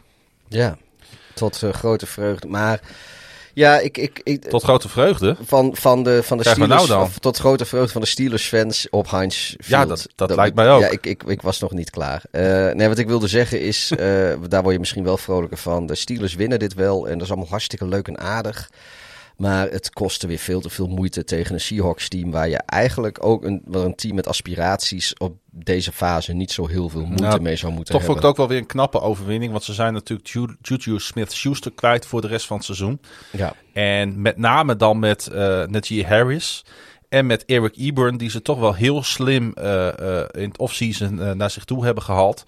Hebben ze dan toch wel echt twee wapens in huis die op hele creatieve manier gebruikt kunnen worden. Ja, maar dat, dat is ook wel zo. Maar ik, ik weet je, het is niet. eh, eh, ze zijn niet echt overtuigend. Maar goed, we, we, we Nee. weten al dat, ze- dat ze niet zo goed zijn, natuurlijk. En eh, dat, dat, Nee. dat was een incident dat ze van de Bills wonnen. Aan de andere kant, ja, de Titans wonnen ook van de Bills ondertussen.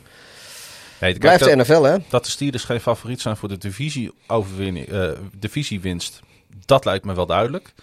Maar dat de Steelers niet afgeschreven moeten worden voor de rest van het seizoen, lijkt me ook duidelijk. Ja, en dat, de- dat de Steelers ook best nog wel teams pijn kunnen doen in de divisie. Dat, eh, dat, dat, is, dat is toch ook nog steeds... Ja, ik, ik zou niet heel erg voor de Steelers vrezen als ik een Ravens-fan was. Maar ik zou niet over die wedstrijd heen gaan kijken. Want, Laten we, laten we daarmee ophouden voor de rest van dit seizoen. ja... Maar goed, eh, de Pittsburgh mag het laten zien, want ze hebben een bye en daarna mogen ze in de divisie tegen Cleveland doen. Ja, ik denk dat dat een hele interessante wedstrijd wordt. Want die wedstrijd zou wel eens een beetje gaan kunnen bepalen wie wel gaat meedoen in die divisie en wie gaat afhaken. Oh, als, eh, als Pittsburgh dit wint, hè, Ja, van Cleveland, eh, doen zij dan een... Weet je, is, is dat dan definitief het einde van Cleveland, maar is Pittsburgh dan weer een beetje terug? Of, nou gezien het record wel, want ze staan allebei op een 3-3 record. Eh, dus het is dan de vraag, ga je mee in de winning mood? Of Ja. inderdaad zak je af? Eh, want de- ja, je, divisiewedstrijden tellen een beetje dubbel natuurlijk. die tellen ook nog eens dubbel inderdaad. Zeker als je in de marge zit. Ja, Kijk, Ja, de, de, de. Ravens kunnen, kunnen, kunnen het wel leiden om... Kijk, ze moeten niet en van de Bengals en van de Steelers en van de Browns verliezen. Maar als ze, een van die, maar als ze van die drie eh, verliezen, of zelfs 4-2 gaan in de divisie... wow, dat moet voor de Ravens overkomelijk zijn. Dat, zoals ze dit seizoen tot nu toe spelen. Dus dat zijn eh, hele dure wedstrijden worden dat. Met eh, hele dure winst- of verliespunten inderdaad. En dat is wel heel tof natuurlijk. Ja. Want daar, ja, deze wedstrijden, daar zit de spanning op. Daar zit de rivalry op. Daar zit de, daar zit de, de, de, de, de elektriciteit in de lucht hangt in de stadions. Ja, dit zijn toch eh, de potjes. Seattle speelt trouwens alweer een, een primetime game. Hm? Ja, ze hadden natuurlijk wel nooit verwacht dat eh, Russell Wilson eh, geblesseerd zou raken. Want ze hosten New Orleans tijdens Monday Night Football. Ja, nou, kan op zich best een leuke wedstrijd worden nog steeds hoor. Ja, ik zie eh, bijna... Elke Monday Night Football is tot nu toe het aankijken meer dan waard aan. Ja, want ik, New Orleans is ook niet dat die, dat die zomaar even zomaar alles winnen. Ook al spelen ze tegen relatief ja, nou ja, niet dat Seattle in Seattle een simpele tegenstander is, maar zonder, zonder Wilson wordt het in één keer een stuk, stuk behapbaarder. Maar dat is voor uh, New Orleans geen enkele garantie natuurlijk. Waarom hebben we eigenlijk geen Scorigami-tune? Ja, ik weet, moeten, we, moeten we naar zoeken, want uh, die had nu mooi gedraaid kunnen Wel heel tof om, een, uh, om dat uh, te gaan doen, want er was Scorigami, de 1067ste in de geschiedenis van de NFL. de LA Rams at de New York Giants werd namelijk 38-11 en dat kwam nog nooit ja. eerder voor. Er waren dus tot nu toe 1066 verschillende einduitslagen geweest. En nu zijn er 1067. Het is, dat is toch mooi? Ja, ik vind het ook waanzinnig. en aan de andere kant kan het ook weer geen reet schelen. Zo ben ik dat ook wel weer. Ja, nou, het is niet dat ik, uh, dat ik er beter van sliep. Uh, Giants-fans die, uh, die begonnen weer te boeren in het stadion. Niet te boeren, maar te boeren. Ja, nou... die, zijn er, die zijn helemaal klaar met hun franchise. Ja, wat hadden die verwacht dan dat dit seizoen ging gebeuren? ja, dat klopt. Maar dan mag je nog steeds wel kwaad zijn op ja, de franchise. Ja, dat klopt. Dat ze er zo'n, weer zo'n kutseizoen van maken. Ja. Ja, um, Kadarius Stoney, die, ja, die ja, valt, je, uh, die, die, valt, dan weer geblesseerd uit. Hoeveel pech kun je hebben, zou je Maar goed, ja, dat is, dat is inderdaad wel... Kijk, dat is iets dat komt nu. Uh, komt dat ineens naar boven. In, na dit soort wedstrijden van had je die wel moeten draften. Want je had natuurlijk ook gewoon Mac Jones bijvoorbeeld kunnen draften. Uh, want, nou ja, goed, wij zijn volgens mij, wij waren vorig seizoen ook al niet bepaald onder de indruk van. Uh, van Daniel Jones. Jones. Nee. Van, van Danny Dimes of Double Threat Danny, weet ik hoe ze hem allemaal willen noemen. Um, ja, weet je, dat, dat is denk ik toch niet de toekomst van de Giants. Tenminste, dat mag ik hopen voor die, voor die Giants fans. Anders kunnen ze de komende jaren wel blijven boeien. het begint ook wel een beetje terug te worden, want hij mist de meeste van zijn ballen. Uh, Beetje net als Lance Armstrong. 29 uit 51. Ik praat hier maar even overheen. 29 uit 51 was hij. Hij speelt natuurlijk zonder zijn running back Saquon Barkley. Zonder Kenny Golladay, waar ze verschrikkelijk veel geld voor neer hebben gelegd. Uh, bij meer dan 75 miljoen dollar. Ja. En dan speelt hij niet. En dan gaat je eerste ronde wide receiver inderdaad ook nog eens uh, tijdens je eerste serie alweer uh, naar de zijlijn geblesseerd. Ja. ja het begint, het begint er niet beter op te worden daar. Zie ik, lees ik nou goed dat ze de, de tiende verjaardag van hun Super Bowl overwinning ja. nu aan het vieren zijn? Die hebben ze, nou ja, die hebben ze gevierd. Of zeg, maar, zeg maar dit, de afgelopen wedstrijd? In de rust. En dat was maar goed ook. Want als ze na de wedstrijd hadden gedaan, had er niemand meer in het stadion gezeten. Ja, nou, daar ze doen over het algemeen dat soort dingen bewust niet ja. in de... Maar dan denk ik ook, waarom... Ja, Tom Coughlin, die, die was er dan. Um, maar. Nou ja, goed, ik snap het wel. Ergens, ergens ook weer wel, maar ergens ook weer, denk ik. Ja, nou ja, goed, ik weet het ook allemaal niet. Nee. Ik vind dit, dit zijn niet. De, het is leuk als je een, een leuk seizoen hebt. Op de een of andere manier, weet je. Er moet een beetje. Een, maar aan de andere kant, kijk, dit, dit ligt natuurlijk al weet ik hoe lang in de planning. En uh, ze hebben met uh, Tom Coughlin. Uh, Jongen, je hebt ook een jaar achter de rug dat niemand in het stadion mocht zijn, hè? Ja, dat daarom. je nu weer wat toffe ja, dingen wil doen, dat snap ik, ik ook wel weer. Tuurlijk snap ik dat wel. En uh, ja, laten we ook niet doen alsof ik niet fan ben van een, uh, van een franchise die iedere, iedere dag nog het liefst 1985 herbeleeft. Ja. Dus dat... Uh, maar ja, op de een of andere manier... Ja, weet je, het, het, het, ik, ik, ik, ik, ik, stel me dan ook een beetje voor dat, dat, we, dat we over een aantal jaar bij FC Groningen zitten. En dan is het, weet ik veel, dan spelen we thuis tegen, uh, nou ja, laten we zeggen AZ. RKC Waalwijk. Ja, RKC Waalwijk. En dan gaan we in de rust, gaan wij dan uh, uh, helemaal aandacht aan besteden dat het tien jaar geleden is dat we de beker wonnen. En ja, aan de ene kant denk ik jee, aan de andere kant denk ik, ja, weet je, win er liever nog één. Het was voor LA inderdaad een, in ieder geval een makkelijk dagje. En ik wilde toch wel één speler even uithalen bij LA. Dat is namelijk uh, Kap. Cooper Kap. En uh, ja, die... Uh, Goeie naam heeft hij ook gewoon. Ja, echt. maar die toch, ik zou bijna zeggen, een beetje ongemerkt natuurlijk een topseizoen op de mat legt. Ja. ja. En heeft hij de omstandigheden mee? Ja, natuurlijk. Maar je moet het ook altijd nog maar weer doen. Hij was eerste in de league gedeeld met 37 catches toen hij aan deze wedstrijd begon. En hij voegde gewoon daar rustig nog even weer 9 aan toe. Denk je dat zo'n Kenny Galladay, dat hij op de tribune daar zat, een beetje met natte oogjes weemoedig naar uh, uh, Matthew Stafford te kijken? Nou ja, de vraag stellen is een beantwoorden. Ik, ik, wel. ik, als ik Kenny Galladay was, wel. Ja. Dan had ik waarschijnlijk op, de, op die kleedkamerdeur van de Rams geklopt. Mag ik alsjeblieft met jullie mee terug? De Rams die gaan dus thuis tegen Stafford's oude team Detroit spelen komende zondag. Uh, dat zal toch, uh, ondanks dat het misschien helemaal geen spannende wedstrijd wordt, ja, wel een bijzondere wedstrijd worden. Ik denk dat we een heel heel stadion, uh, nou tenminste over het algemeen, ja, ik weet niet hoeveel, hoeveel Lions-fans er naar, uh, naar Los Angeles uh, zullen komen. Maar ik denk dat er nog veel meer natte oogjes weemoedig naar Matthew Stafford gaan zitten kijken dan, dan de twee van, van Galladay afgelopen weekend. Het doet me een beetje aan Berghuis bij Ajax denken. Dat je nu ziet, zeg maar, wat het potentieel van die jongen is. En dat heel veel Feyenoord-fans ook daar een beetje naar zitten te kijken van... oh, is hij zo nee, goed? Maar hij was, hij was. Ja, we gaan nu even helemaal... Berghuis was bij Feyenoord ook gewoon fucking goed. Die, die heeft overal brak die al status, alle, alle records en dingen. Alleen, nu die bij Ajax speelt, gaat iedereen in één keer zeggen... dat ga, krijgt hij zeg maar ook daadwerkelijk uh, uh, de props voor. Omdat, ze, omdat dat er wat meer rendement in zit, omdat het hele team om hem heen ja, wedstrijden wint. Dat is met Steffen toch ook zo? Die was ja, bij de Lions ook altijd al een prima quarterback. Ja, nee, alleen van, van Berghuis wordt net gedaan of hij bij Ajax beter geworden is. En dat, is, dat, is, en dat is niet waar. Nee, dat, en dat bedoel ik eigenlijk ook te zeggen met Stafford. Oké, ja, nee. die vond ik ook bij de Lions altijd al een prima quarterback. Nou ja, ik noem alleen hem, in het verkeerde team. Ik, uh, ik, nou ja, kijk, de, de, de het, het, het, speelde allemaal anders. Ik noem hem altijd Pat Stedford, omdat uh, het was heel veel statpadding wat daar gebeurde. Omdat heel veel van zijn, van zijn ding kwamen in, in, uh, in garbage time. Ja. En uh, dat dus, dus dan, weet je, de Lions stonden altijd direct zo snel achter.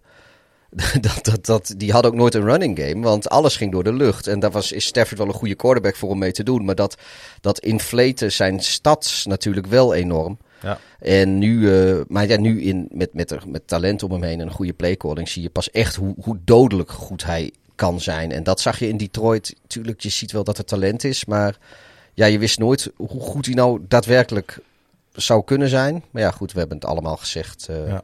Ik wil niet eerst trouwens zeggen dat ik het een hele goede wedstrijd van de Rams vond. Ik vond ook dat ze weer traag op gang kwamen. Dat vind ik het hele seizoen al een beetje bij de Rams. Die eerste kwarten. Het is net of ze er iedere keer een beetje in moeten komen. Ze misschien een beetje afgekeken van, uh, en ik van vind de Chiefs. ja, en ik vind ze ook niet zo ongenaakbaar als hun record misschien wel is. Het blij, ik vind het wel het, aan de top van de NFC is het, is het echt spannend wie daar het beste team is. Ja. Want ze doen allemaal een beetje een gooi naar. De Cowboys, de Rams, de Buccaneers, de, Buccaneers. de Cardinals. Ja, uh, ja nou, als je naar de record kijkt, de Packers ook. Ja. Um, maar ja, geen van die teams heb ik het idee dat ze onverslaanbaar zijn. Nee, en ik wil ook niet... Uh, ik, ja, ik wil hoe verder we in het seizoen komen, hoe lastiger wordt om vol te houden. Maar ik hou het nog steeds vol. Ik vind ook niet dat in de NFC het team met het beste record het beste team in de NFC is. Dus de, de Cardinals hebben het beste record, niet alleen NFC, maar de hele NFL natuurlijk. Maar uh, dat wil niet zeggen dat ik hun ook het beste team vind in de NFC laat staan in de NFL. Want ik zit inderdaad met de Rams en de Buccaneers en de, de Cowboys. Ja, weet je, ik, ik, dat vind ik ook allemaal teams die, die meedingen voor, uh, uh, voor die titel. Eens over de Buccaneers gesproken. Die speelde vorige week donderdag al First in het voetbal. Dus daar gaan we niet al te lang meer bij uh, stilstaan, want dat is alweer een week geleden.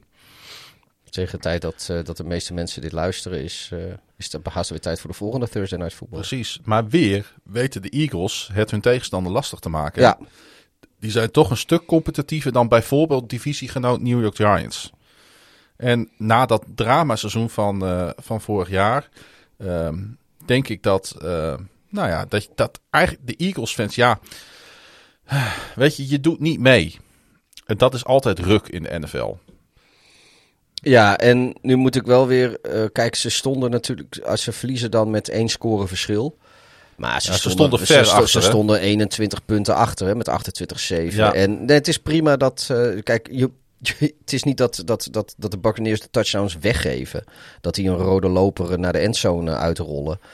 Um, maar... Um, de... Nou ja, wat, wat, je zag dat de Buccaneers het tijdens de wedstrijd in die tweede helft lastig kregen. Omdat de Buccaneers lang niet zo fit zijn als vorig jaar. Ja. Want ze misten al hun cornerbacks uh, Carlton Davis en uh, Sean Murphy Bunting. Safety uh, Winfield, absoluut een van de top safeties in de league. Die was er ook niet bij. En er ging ook nog een Sherman uh, op de eerste uh, eh, drive van Philadelphia ging neer.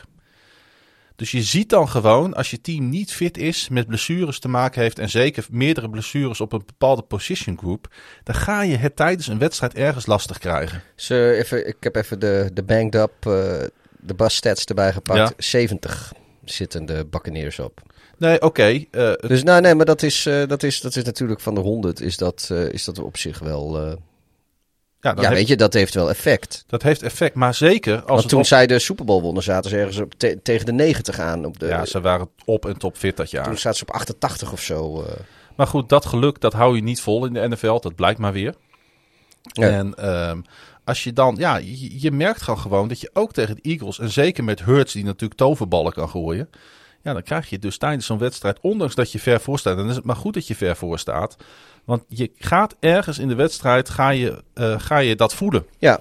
ja, dit was eigenlijk nou precies zo'n wedstrijd als die ik net zei, die, eh, die Stafford vaak speelde bij, eh, bij de Lions. Ja. Je staat vrij rap, vrij dik achter. En daarna heb je eigenlijk, krijg je alle tijd en ruimte om te laten zien dat je ook heus wel wat kan. En eh, je moet het laten zien. En je kan het waarschijnlijk ook wel. Ehm, ik, ik heb nog altijd wel mijn twijfels bij dit soort dingen dan hoe representatief het is. Eh, eh, want het is niet voor niets dat je 21-7 achter komt te staan. 28-7 zelfs, ja. ja of precies. sorry, eh, 28-7 Ja. of 21 punten achter komt te staan. Ja. Weet je, het is de andere team haalt. En of dat dan komt door blessures of, of omdat ze misschien al ook gaan denken aan een wedstrijd een week verder of wat dan ook. Eh, op een gegeven moment gaat die tegenstander, die haalt de voet een beetje van het gas. En eh, bij jou, eh, jij gaat gewoon nog door. Maar het is ook gewoon Tom Brady die gewoon in het begin van die wedstrijd iedere zegt pop, pop, pop. En dan gooit zo Ja. zijn balletjes. Ja. En voor je het weet staan die Buccaneers gewoon met drie touchdowns inderdaad op het bord. En daarna, en, en maar wat, wat doen ze? Denk je dat als ze de voet vol op het gas houden, dat ze, dat ze nog verder uitlopen, maar dat ze denken, nou weet je, eh, we nemen een beetje gas terug Nou, ik en we echt wel- nou, ik ik, ik heb geen idee, ik heb die hele wedstrijd niet Nou gezien. ja, ik, had toch, ik heb de wedstrijd wel gezien. Ik had toch echt die, eh, Ik Eagles, eh, dat de Eagles gewoon echt in die wedstrijd aan het groeien waren. En dus inderdaad die blessures bij de Buccaneers gingen opspelen. Ja, en dan heb je met, met, met Hurts heb je gewoon een quarterback. Ja, die, hij kan wel gekke dingen doen, ja. Precies, en dat deed hij ook. Hij had bijvoorbeeld een geweldige touchdown. Ehm, zijn tweede touchdown. En ik weet niet of je dat gezien hebt. Maar toen vloog hij de tribune in. Naar een specifiek iemand. Ondertussen eh, bezorgde hij ook nog bijna een eh, security guard en een hersenschudding daarmee. Er staat namelijk MVP Mike Trout. Hè, grote naam. Groot Eagles fan ook. Zat namelijk op de eerste rij. Die had hij dus gezien. Dus die, dat is die honkballer, hè? Ja, en daarmee ging die, eh, ging die even die, die touchdown vieren. Dat vond ik wel mooi. Dat hij daar toch oog en gevoel voor heeft. Ja, je kunt ervan vinden wat je wil, maar ik vind dat soort dingen altijd wel tof. En eh, wat ik ook mooi vind, is dat de Eagles ehm, twee spelers inducten in de Hall of Fame. In hun Hall of Fame. Namelijk eh, left tackle Tra Thomas en right tackle John Runyon. En dan zeg je dat je misschien, als je hier naar luistert, niet zo heel veel. Maar dit duo startte 134 reguliere seizoenswedstrijden samen in de periode tussen 2000 en 2008. En tijdens die periode wisten de Eagles zeven keer de playoffs te bereiken, vijf NFC East titles te winnen en vijf Conference Championships game te behalen en één Super Bowl. Ze zijn 4-1 dus gegaan in die Conference Championships. Ja, Een beetje... met dus eh, deze twee eh, eh, geweldige tackles. En dan vind ik het heel Ja. mooi dat die met z'n tweeën op zo'n veld worden gezet. Ja, en dat is niet mooi. vergeten worden. Ja. De Buccaneers die hosten inderdaad dus Chicago. En dat is ehm, komende zondag. Is, is het nog 7 uur, half elf? Weet je Nee, zo? het is, het is die 20 over 10 eh, Nederlandse tijd. Of Oké. 20, 25, of 5, 5, 25 over 10. Semi-primetime is dat, eh, zeg maar. Het is volgens mij die, eh, de, de, de eh, Tony Romo eh, wedstrijd. Oké, de Eagles die gaan op bezoek bij de Raiders. En de Cowboys, we zeiden het al, absoluut een van de topteams in de NFC dit jaar. En goede teams winnen ook de moeilijke wedstrijden, Pieter. Is dat hier weer een voorbeeld van? Ja. Nou ja, kijk, dat, dat, dat is het wel. Je, moet, je moet de wedstrijden waarin je het zelf eigenlijk niet goed af kan dwingen, moet je toch, moet je toch kunnen winnen. Ja, en dat deden ze uiteindelijk eh, met 35-29. Eh, de Patriots die eigenlijk best wel goed voor, voor de dag eh, kwamen, vond ik. Het is toch wel weer knap, hè? Hoe ondanks dat ze er gewoon met 2-4 niet zo goed voor staan, dat Belichick toch ook wel weer een competitief team weet neer te zetten. Ja, het, het, het wordt soms haast vervelend. Maar uh, uh, dat is het niet omdat, uh, omdat ze gelukkig nu toch nog steeds verslaanbaar zijn. Maar als dat in dit tempo doorgaat, dan kon het maar zo weer eens voor de rest van de, van de league en de AFC East weer de verkeerde kant op gaan met de Patriots. Want, want ja, Belichick die, met en zijn staf, die doet daar gewoon hele, hele goede dingen. Ja. Mac Jones, die wordt, ze zijn heel, heel goed bezig met hoe ze die ja. jongen brengen. Kijk, hij gooit dan wel, uh, gooit er wel wat interceptie. Uh, maar goed, dat doet iedereen tegen de Cowboys met, uh, met Dix. Nou, hij gooide hem inderdaad op Dix. die, die hem ook meteen terugliep. Voor die een, voor de, wat zal het dan zijn, de zesde of de zevende alweer een keer op rij. Zeven, denk ik. Want vorige keer was zes volgens mij. Ja, een touchdown wist te retourneren. In ieder geval een, een pick had. Um, want het stond op dat moment 21-20 voor New England. Toen stond het 26-20. En op de volgende play. Ja, echt, uh, zat er nog één, één play tussen. Maar uh, voor, voor het idee was het inderdaad de volgende passing play. In elk ja. geval van. Want er zat volgens mij één running play tussen. Ja, volgens mij niet hoor. Even los van de, los van de, van de kick-off en weet ik wat allemaal. Zou dus volgens mij uh, was het second down. Waar, uh, waar Mac Jones een passing play. Dus dat was volgens mij de volgende passing play. In, maar goed. In mijn hoofd niet in ieder geval. Uh, nou, misschien heb ik ook geen gelijk hoor. Maar het is ook niet belangrijk genoeg om op te zoeken. Nou ja, gooide Jones in ieder geval een 75-yard score op Kendrick Bourne. En diezelfde Dix, die liet hem daar gewoon lopen, hè? Ja, en dan zie je toch, voor, wat ik vorige week zei. Ik wou, uh, de ik ene wou kant, het, dit even ja, jouw moment of glory. Hij, uh, hij, hij doet natuurlijk prima de interceptie en die loopt hij zelf terug voor een touchdown. Maar als je direct daarna een touchdown weggeeft, ja, hoe, hoe, wat heb je er dan aan? En dat is wat ik zei. Hij, hij, hij heeft die picks wel, maar hij geeft ook heel veel weg. Ja. En uh, dat zag je hier uh, echt in, een, in, een, in, in 20 seconden tijd op de, op de speelklok. Zag je dat even gewoon in actie. Ja. Dus ja, I feel vindicated voor, voor mijn... Absoluut. Jones gooide daarna ook nog een two-point conversion op Jacoby Myers. Waardoor inderdaad overtime het verdikt was. En in die overtime gooide Dak Prescott een, ja, volgens mij op een ook weer totaal vrijstaande CD Lamp... Die 35 jaar touchdown pass. Ja, en, die, um, de CD Lamb is wel... Dat, dat, dat is ook een, een speler hoor. Wel een fenomeentje aan het worden. Ja. Maar goed, de coverage die was ook wel helemaal weg bij de Patriots op dat moment. En uh, ja, uiteindelijk dan toch de overwinning voor Dallas. En, um, die Prescott, jongen, dat, ik, ik ben er echt van onder de indruk. Hij raakte geblesseerd hè, bij die laatste play. Heb je dat uh, meegekregen? Ja, maar het, het, uiteindelijk uh, komt het wel, wel weer goed. Uh.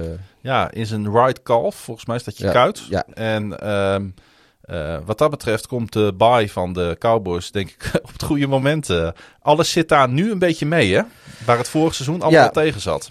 Nee, precies. Het, het gaat echt precies zoals wij vorig seizoen zeiden: van als de verdediging een beetje beter wordt, Ja. dan winnen ze al die one-score games. Maar het zijn altijd toch over het algemeen vrij hoge scores eh, die ze hebben aan beide kanten van de bal. Ja. En ze staan eh, steeds net goed. Ze maar zijn- ik vind ze wel echt, echt een van de sterkste teams in de, in de NFC. Eh, Ja, en eh, daar komt nog eens bij, en het is een beetje simpel om dat altijd maar te zeggen, wat ik over de Vikings ook altijd zeg, ongelooflijk leuk om naar te kijken.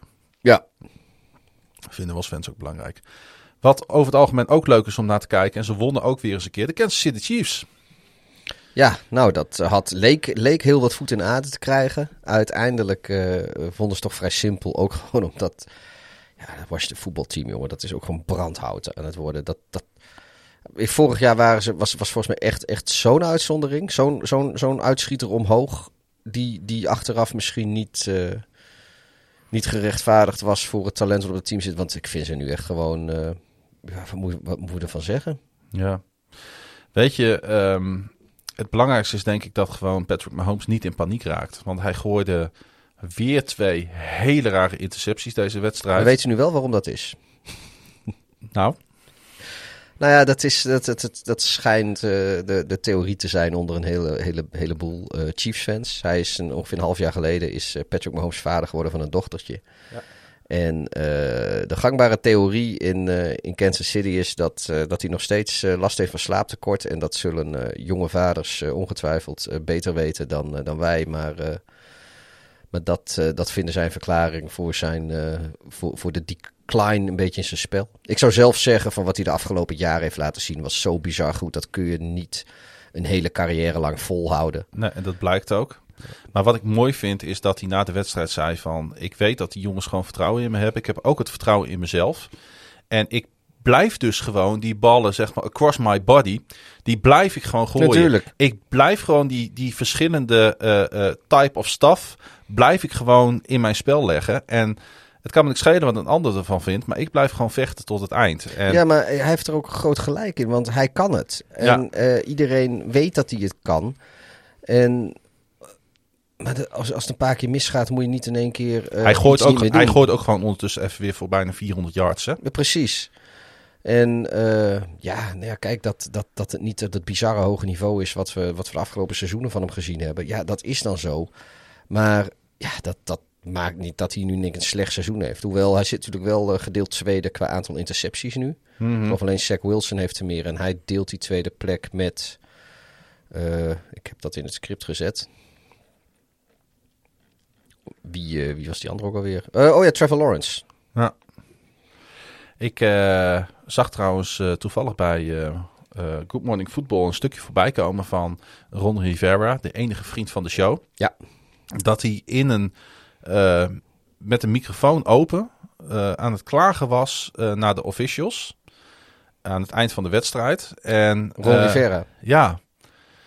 Dat vond ik dan toch wel opvallend. Dat, dat hij zich, ondanks een kansloze achterstand, zo druk aan het maken was tegen de zebra's. Dan denk ik, man, bemoei je gewoon met je eigen team. Nou ja, weet je, ik, ik vind wel dat de zebra's hebben te veel invloed op, eh, op de wedstrijd. Eh, op het wedstrijdverloop. En, eh, Nou, nou, nou, niet, niet, niet zozeer misschien deze wedstrijd in dat moment. Maar ik vind wel gewoon iedere keer als, als dus bij de zebra's grote fouten worden gemaakt. Dan mag je ze daar best op wijzen. Ondanks of dat voor de, voor, op dat moment voor de wedstrijd een, bepalend is voor de uitkomst. Nee, en wat ook, nou ja, oké, dat. Maar wat hij vervolgens ook deed, en dat was ook te horen op, op die opname. Hij begon tegen de zebra's te klagen over zijn eigen team. dat is wel een beetje, daar, daar vind ik wel wat Ja, van. over zijn eigen offensive line. En toen dacht ik, hè? Nou ja, ze vonden dat in de studio in ieder geval ook allemaal hartstikke raar. Ondertussen eh, zakken de Washington eh, voetbalteam, ondanks dat ze toch twee wedstrijdjes ook gewonnen hebben, wel echt weg in niveau. En is het maar de vraag of ze dit nog omgeturnd krijgen. Ja, dat, eh, Ik zie het op dit moment in ieder geval niet gebeuren. Zeker niet omdat ze naar de Green Bay Packers moeten komen de zondag. Nou ja, goed, dat is geen lekkere wedstrijd als je op 2 en 4 staat. Hè? De Chiefs die eh, gaan op bezoek bij de Titans in... eh, ja, we roepen het iedere keer. eh, nu al misschien weer de wedstrijd van het weekend. En dan zul je altijd zien dat het tegenvalt. Ja. Allerlaatste wedstrijd die we nog niet genoemd hebben. En dan hebben we nou, het keurig zo rond de twee uur gehouden, Pieter. De Raiders en de Broncos. ja, divisie, divisiepotje. Ja, maar nog meer dan dat natuurlijk. De En, eerste wedstrijd eh, na het ontslag van John Gruden voor de Raiders. Wat vond jij, eh, wat vond jij ervan? Dat, ik eh, vond dat de Raiders zich keurig netjes hersteld hebben. Ja, het was natuurlijk ik een hele ook. roerige anderhalf week eigenlijk voor ze. Zo. Want de ellende begon een beetje al voor de wedstrijd tegen de Bears. Eh, dat, nou, dat was natuurlijk ook al een, een vrij pijnlijke nederlaag thuis. Want die hadden ze zelf, denk ik, stiekem als een, een weetje weggeschreven. Nou ja, toen eh, tot overmaat van ramp kwam die hele ellende met, eh, met John Gruden en zo. Dat die, die hele Pandora's doos ging open. En, of doos van Pandora is Ja. het in het Nederlands volgens mij. Ja, In- klopt. ik- ik- maar ja, daar hebben ze zich heel goed van herpakt. En dat, daar was ik eigenlijk wel van onder de indruk. Niet, ik had ze volgens mij wel op winst ges, eh, gezet qua voorspelling. Maar ehm, ja, dat, eh, de gemak eigenlijk waarmee het ging, dat Ja. vond ik wel verbazingwekkend. Dat had, ik had het niet zo makkelijk verwacht eigenlijk. Dat, eh, Ik ook niet. En de Raiders zijn daarmee 4-2. En de Broncos, die hebben nu drie wedstrijden op rij verloren. Zijn 3-3. En die hopen natuurlijk op, op, op een overwinning bij de Cleveland Browns. En als het één keer kan, dan is het misschien inderdaad wel komend. ja, dat is wel een... Komende, eh, komende donderdagnacht. Zo moet ik het zeggen. ja, morgen, morgenavond laat voor ons nu. Inderdaad. Ehm, het zit erop. Ja. En we gaan eh, afsluiten met de voorspelling. Ja, ik eh, even kijken, die van vorige week wil ik, eh zullen we eens even jullie niet onthouden. En met jullie bedoel ik de luisteraars, maar ook jou, Klaas-Jan. Ik ben heel benieuwd. Eh, jij had er acht goed. Ik Oei. had er eh tien goed. Ja, hier wordt toch het verschil gemaakt, hè? Ja, ik had, eh, ik had dus Las Vegas tegen Denver wel op winst. Jij niet.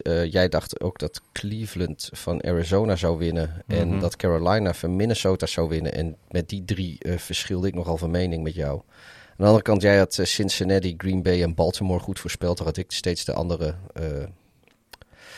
het andere team. Ah, weet je, uit, maar uiteindelijk... eh, oh, is, is ik het heb, wat het is? maar ja. goed. eh, we gaan naar de volgende. Ja, en dat begint natuurlijk met die Thursday Night Football inderdaad eh, Ja. in Cleveland. Ja, gaan de Broncos dan inderdaad eh, eh, voor hun vierde overwinning? Want beide teams staan op 3-3. Dus het is een eh, sleutelwedstrijdje zo Mhm. aan het begin van deze speelronde. Zeg maar, Pieter. Ik, ik, met, met die waslijst aan blessures... Ehm, Zou dit zomaar een prooi kunnen zijn voor de Broncos natuurlijk? Ja, ik zeg toch Cleveland, denk ik. Op de een of andere manier geloof ik wel dat, dat daar... eh, dat, dat, dat, Dat weet je, het zit er wel dat goed. gaat doen? Ja, maar ik denk dat alle neuzen daar dezelfde kant op gaan. En dat, dat, het, eh, dat ze nu even tot, wel tot besef moeten komen dat als ze nog wat willen dit seizoen... dat ze het ook echt moeten nu. En Ja. op de een of andere manier... Ja, dus ik zeg Cleveland hier. Ik ga hier wel voor de Denver Broncos. Gewoon omdat het kan. Ja. En omdat ik het wil. Ja, bij, eh, dan hebben we de Washington voetbalteam die eh, op bezoek gaan naar het eh, Nee. historische... Dat is niet waar. MetLife Stadium wordt de wedstrijd gespeeld.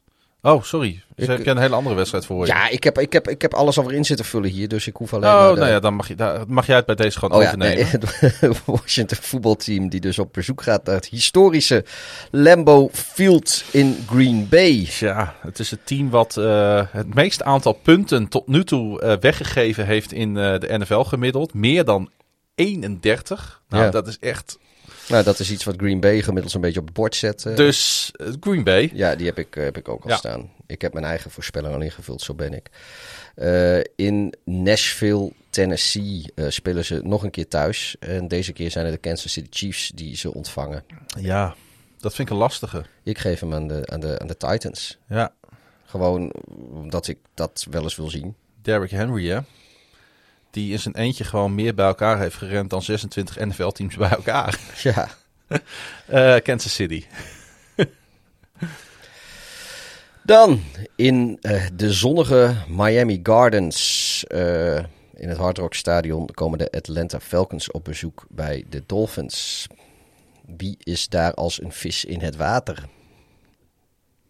Het zal in ieder geval waarschijnlijk een low-scoring game worden.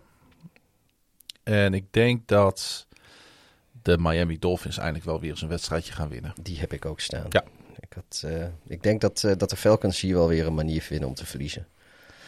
En eh, dan hebben we natuurlijk de Jets tegen de Patriots. Wat, wat, waarvan heel veel mensen in New York, denk ik, eh, hoopten dat dat dit seizoen weer spannend zou worden qua rivaliteit. Ik Ja. heb daar zo ernstig mijn twijfels bij, dus ik, je kan wel raden wie ik daar heb staan. Het zou de eerste keer in 12 jaar worden dat de Jets eh, gaan winnen in eigen huis van de Patriots. En dat, ga- en dat gaat gebeuren. Jij zegt de Jets? Ja. Cool. Eh, nou ja, dan eh, gaan we naar een andere New Yorks team die, die dus thuis spelen, blijkbaar. Huh? Ja, de Jets die waren op Oh, sorry, bezoek. ja, de Jets op- waren op bezoek. Sorry, de, Jets zijn op bezoek bij de Bij Patriots. de Patriots. En de Ah. Giants spelen thuis. Ja, ik Sorry. blijf, eh, ik blijf bij mijn Jets. eh. Ja, want ze winnen vaker daar dan thuis. het is trouwens zo dat New England 11 wedstrijden op rij van de Jets heeft gewonnen. Om even, dat is de Ja. stat. Oké. Maar volgens mij was de Sorry, we, laatste doen, we doen keer... deze uitzending helemaal uit ons hoofd. Dus, ja, eh, de, de laatste keer volgens mij wel dat de Jets van de Patriots gewonnen hebben, was volgens mij wel in Foxborough. Dat was volgens mij in een uitwedstrijd ja, ook. dat denk ik ook. Eh, maar in elk geval, nu speelt eh, dus in New York de Giants. Mhm. En die ontvangen daar de Carolina Panthers. Dus eh, Sam Darnold komt even weer terug in zijn oude stadion. Maar Ja. wel tegen een ander team. Ja, en, en, en het kan bijna niet anders dat hij die wedstrijd toch gaat winnen. Ja, ik heb, Panthers. ik heb ook de Carolina daar staan. Dan kan ik hier voor jou denk ik een balletje invullen. Bij, bij de Cincinnati Bengals. Ja, klinkt die, een eh, beetje arrogant. Die naar de bank gaan. Eh, en over het algemeen ben ik echt geen arrogante fan van de Ravens. Maar ik denk echt dat we deze gaan, eh, gaan pakken. Ja, Ja, ik heb daar gewoon Cincinnati neergezet voor de, voor de variatie. Ik denk eigenlijk ook wel dat Baltimore dat wint hoor. Maar Lamar nog nooit verloren hè, van de Bengals in zijn carrière. nou, nou, dat moet de eerste, eerste keer zijn. Ik, eh, ik blijf bij mijn keuze voor Cincy. Oké. Ehm, Las Vegas Raiders die ontvangen de Philadelphia Eagles. Ja, de Eagles die natuurlijk al die verrassende overwinning hadden bij Carolina eerder Ja. dit jaar. Ehm, zouden natuurlijk ook dit, dit is natuurlijk een typische wedstrijd dat ze weer zo'n verrassing kunnen neerzetten. Eh, en dat gaan ze doen. Dus jij zegt Philly? Ja, Oké, ik, heb, eh, ik, heb de, ik heb de Raiders staan. Eh, nou, de Detroit Lions, die is, waar we het net al over hadden, op bezoek gaan eh, in het mooie SoFi Stadium tegen de Los Angeles Rams en Matthew Stafford. ja, ik denk dat we daar eh, duidelijk over kunnen zijn allebei. Ja, dat zijn we allebei de Rams. De Arizona Cardinals, die ontvangen de zo geplaagde Houston Texans. Ik denk dat we daar ook Vrij kort over vrij kunnen kort zijn, over ja. kunnen zijn, inderdaad. Dan, Wist je trouwens dat de Cardinals eh, eh, het team zijn dat niet alleen het meeste aantal punten op het bord zet, dit seizoen gemiddeld. Mhm. Volgens mij is het iets onder de 33. ja. Maar dat ze daarmee ook eh, het team zijn wat sinds 1948 het team is wat het meeste aantal punten gemiddeld op het bord zet. Nee, dat wist ik niet. Bij deze. Maar toch ik, even ik, ik denk dat Houston daar ook wel eens last van kon gaan krijgen. Maar ja, het zegt wel even iets over Ja. die offense en die Kyler Murray. Ja. Goed, ga door. De Tampa Bay Buccaneers eh, ontvangen de Chicago Bears. Tampa Bay. Oké, ik heb gewoon Chicago daar staan. Want, Al is het eh, alleen maar dat een rookie eh, quarterback tegen Tom Brady moet spelen. Ja, maar goed, dat, ik, ik heb, ook die stad moet een keer gebroken worden, of niet. Ja. Ehm, ik weet ook niet, volgens mij heeft, heeft Justin Fields nog nooit een NFL-wedstrijd in Florida gewonnen. Dus dat eh, wordt ook hoogste tijd dat dat Geeft- een keer gaat gebeuren. Geeft allemaal goede hoop eh, voor komende hoop. zondag. Ja, Ja. precies. nou ja, hij heeft er ook nog nooit een verloren. Eh, nee, oké. Ja, Fields is ongeslagen tegen Tom Brady. Ja. Goed, God, de San, de San Francisco 49ers ontvangen de Indianapolis Colts in Santa Clara. Colts. Hey, ik heb ook de Colts daar staan. Wat een, eh, zal ik hem dan nog omzetten naar San Francisco? Nou ja, dat moet je helemaal zelf weten. Het is jouw spelletje. Oh, nu is het mijn spelletje. Je- Het was ooit jouw idee dat we gingen voorspellen. Alleen ik moest administratie doen. Er was trouwens serieuze sprake van hè, dat, eh, dat dit eh, van Sunday Night Football af zou gaan. Ja, klopt ja. En dat, Dat klopt. dat de Bengals en de Ravens naar Sunday Night Football Ja, zouden want, gaan. ja, want alleen de Chicago en Tampa Bay en Bengals Ravens hebben het over gehad. Volgens mij twee weken geleden waren in de running daarvoor. Ja. Is gelukkig niet gebeurd. Nee, nou Tenminste, ja, tenminste voor mij, want ik, eh, ik, heb, eh, geef mij, ik hoef niet per se die midden in de nacht niet. Ehm, nee, ik, eh, ik laat Indiana er staan. En dan gaan we naar de laatste wedstrijd in de Pacific Northwest. De Seattle Seahawks, die de gastheer zijn voor de New Orleans Saints. Ja. Op Lumen Field. Seahawks natuurlijk traditioneel goed op eh, primetime wedstrijden. Zeker Monday Night Football. 11-2 onder Pete Carroll. Dat is de beste win-loss eh, eh, eh, record ehm, in de NFL. Sinds al heel lange tijd. Dus ik denk dat ze deze ook gaan winnen. Ik laat ik hier voor de Seahawks gaan. Ik heb ook Seahawks hier. Omdat ze thuis spelen. Ja, gewoon dat ik denk dat ze dat, dat, dat, die beter voor elkaar hebben. Voor de volledigheid nog eventjes de teams opnoemen die een bye hebben. Die dus niet spelen. Dat zijn de Steelers, de Bills, de Chargers, de Jaguars, de Vikings en de Cowboys. Die hebben een weekje rust. Ja, dat zijn alweer eh, vier teams meer dan vorige week in de bye. Ja. Wat, eh, of nee, twee teams meer, sorry. Wat, wat ons ook weer wat meer, wat meer tijd en rust en zo. Ja, vorige week waren er vier teams in de bye, nu zijn er zes teams in de bye. Hey, we gaan volgende week weer gewoon proberen om ouderwets een, een NFL maar dan snel en een Who's That Man en noem het allemaal maar op. Om dat Ja. gewoon allemaal voor te bereiden en een toffe intro. Ehm, en dan zijn we er... eh, Dat moet volgens mij ook wel lukken hoor. Ik Ja. eh, zal nog even voor de grap mijn, eh, mijn kalender erbij Nou, ik zal je Ja. eerlijk zeggen, en dat mogen de mensen ook wel weten. Ik heb, eh, ik heb ook wel wat dingetjes afgezegd hoor, voor de komende week. Want het werd allemaal wel wat te gek. En we willen ook graag nog deze toffe podcast produceren. Ja, het moet ook allemaal maar gewoon gebeuren. Maar het maakt het niet minder leuk. Nee, precies. Het is, eh, nou ja, goed. Weet je, we hebben, we hebben uiteindelijk toch weer bijna 2,5 uur, eh, nou, twee, dik twee uur en een kwartier, eh, hebben we vol zitten, zitten ouwehoeren. Hoe gaat het met, eh met Zack Miller, denk je? Die zit nog steeds op de achterbank eh, van een auto ergens. Och, jongens. Wat een artiest. I was hoping I could catch her on her way to school. Maar volgens mij veel in voor, the voor wat eh, jonge, jonge vrouwtjes, als ik dat zo hoor. Weet je, als ik dit hoor, krijg ik wel heel veel zin in onze reis naar Amerika. Ja, lekker gewoon ergens eh, in een barretje zitten.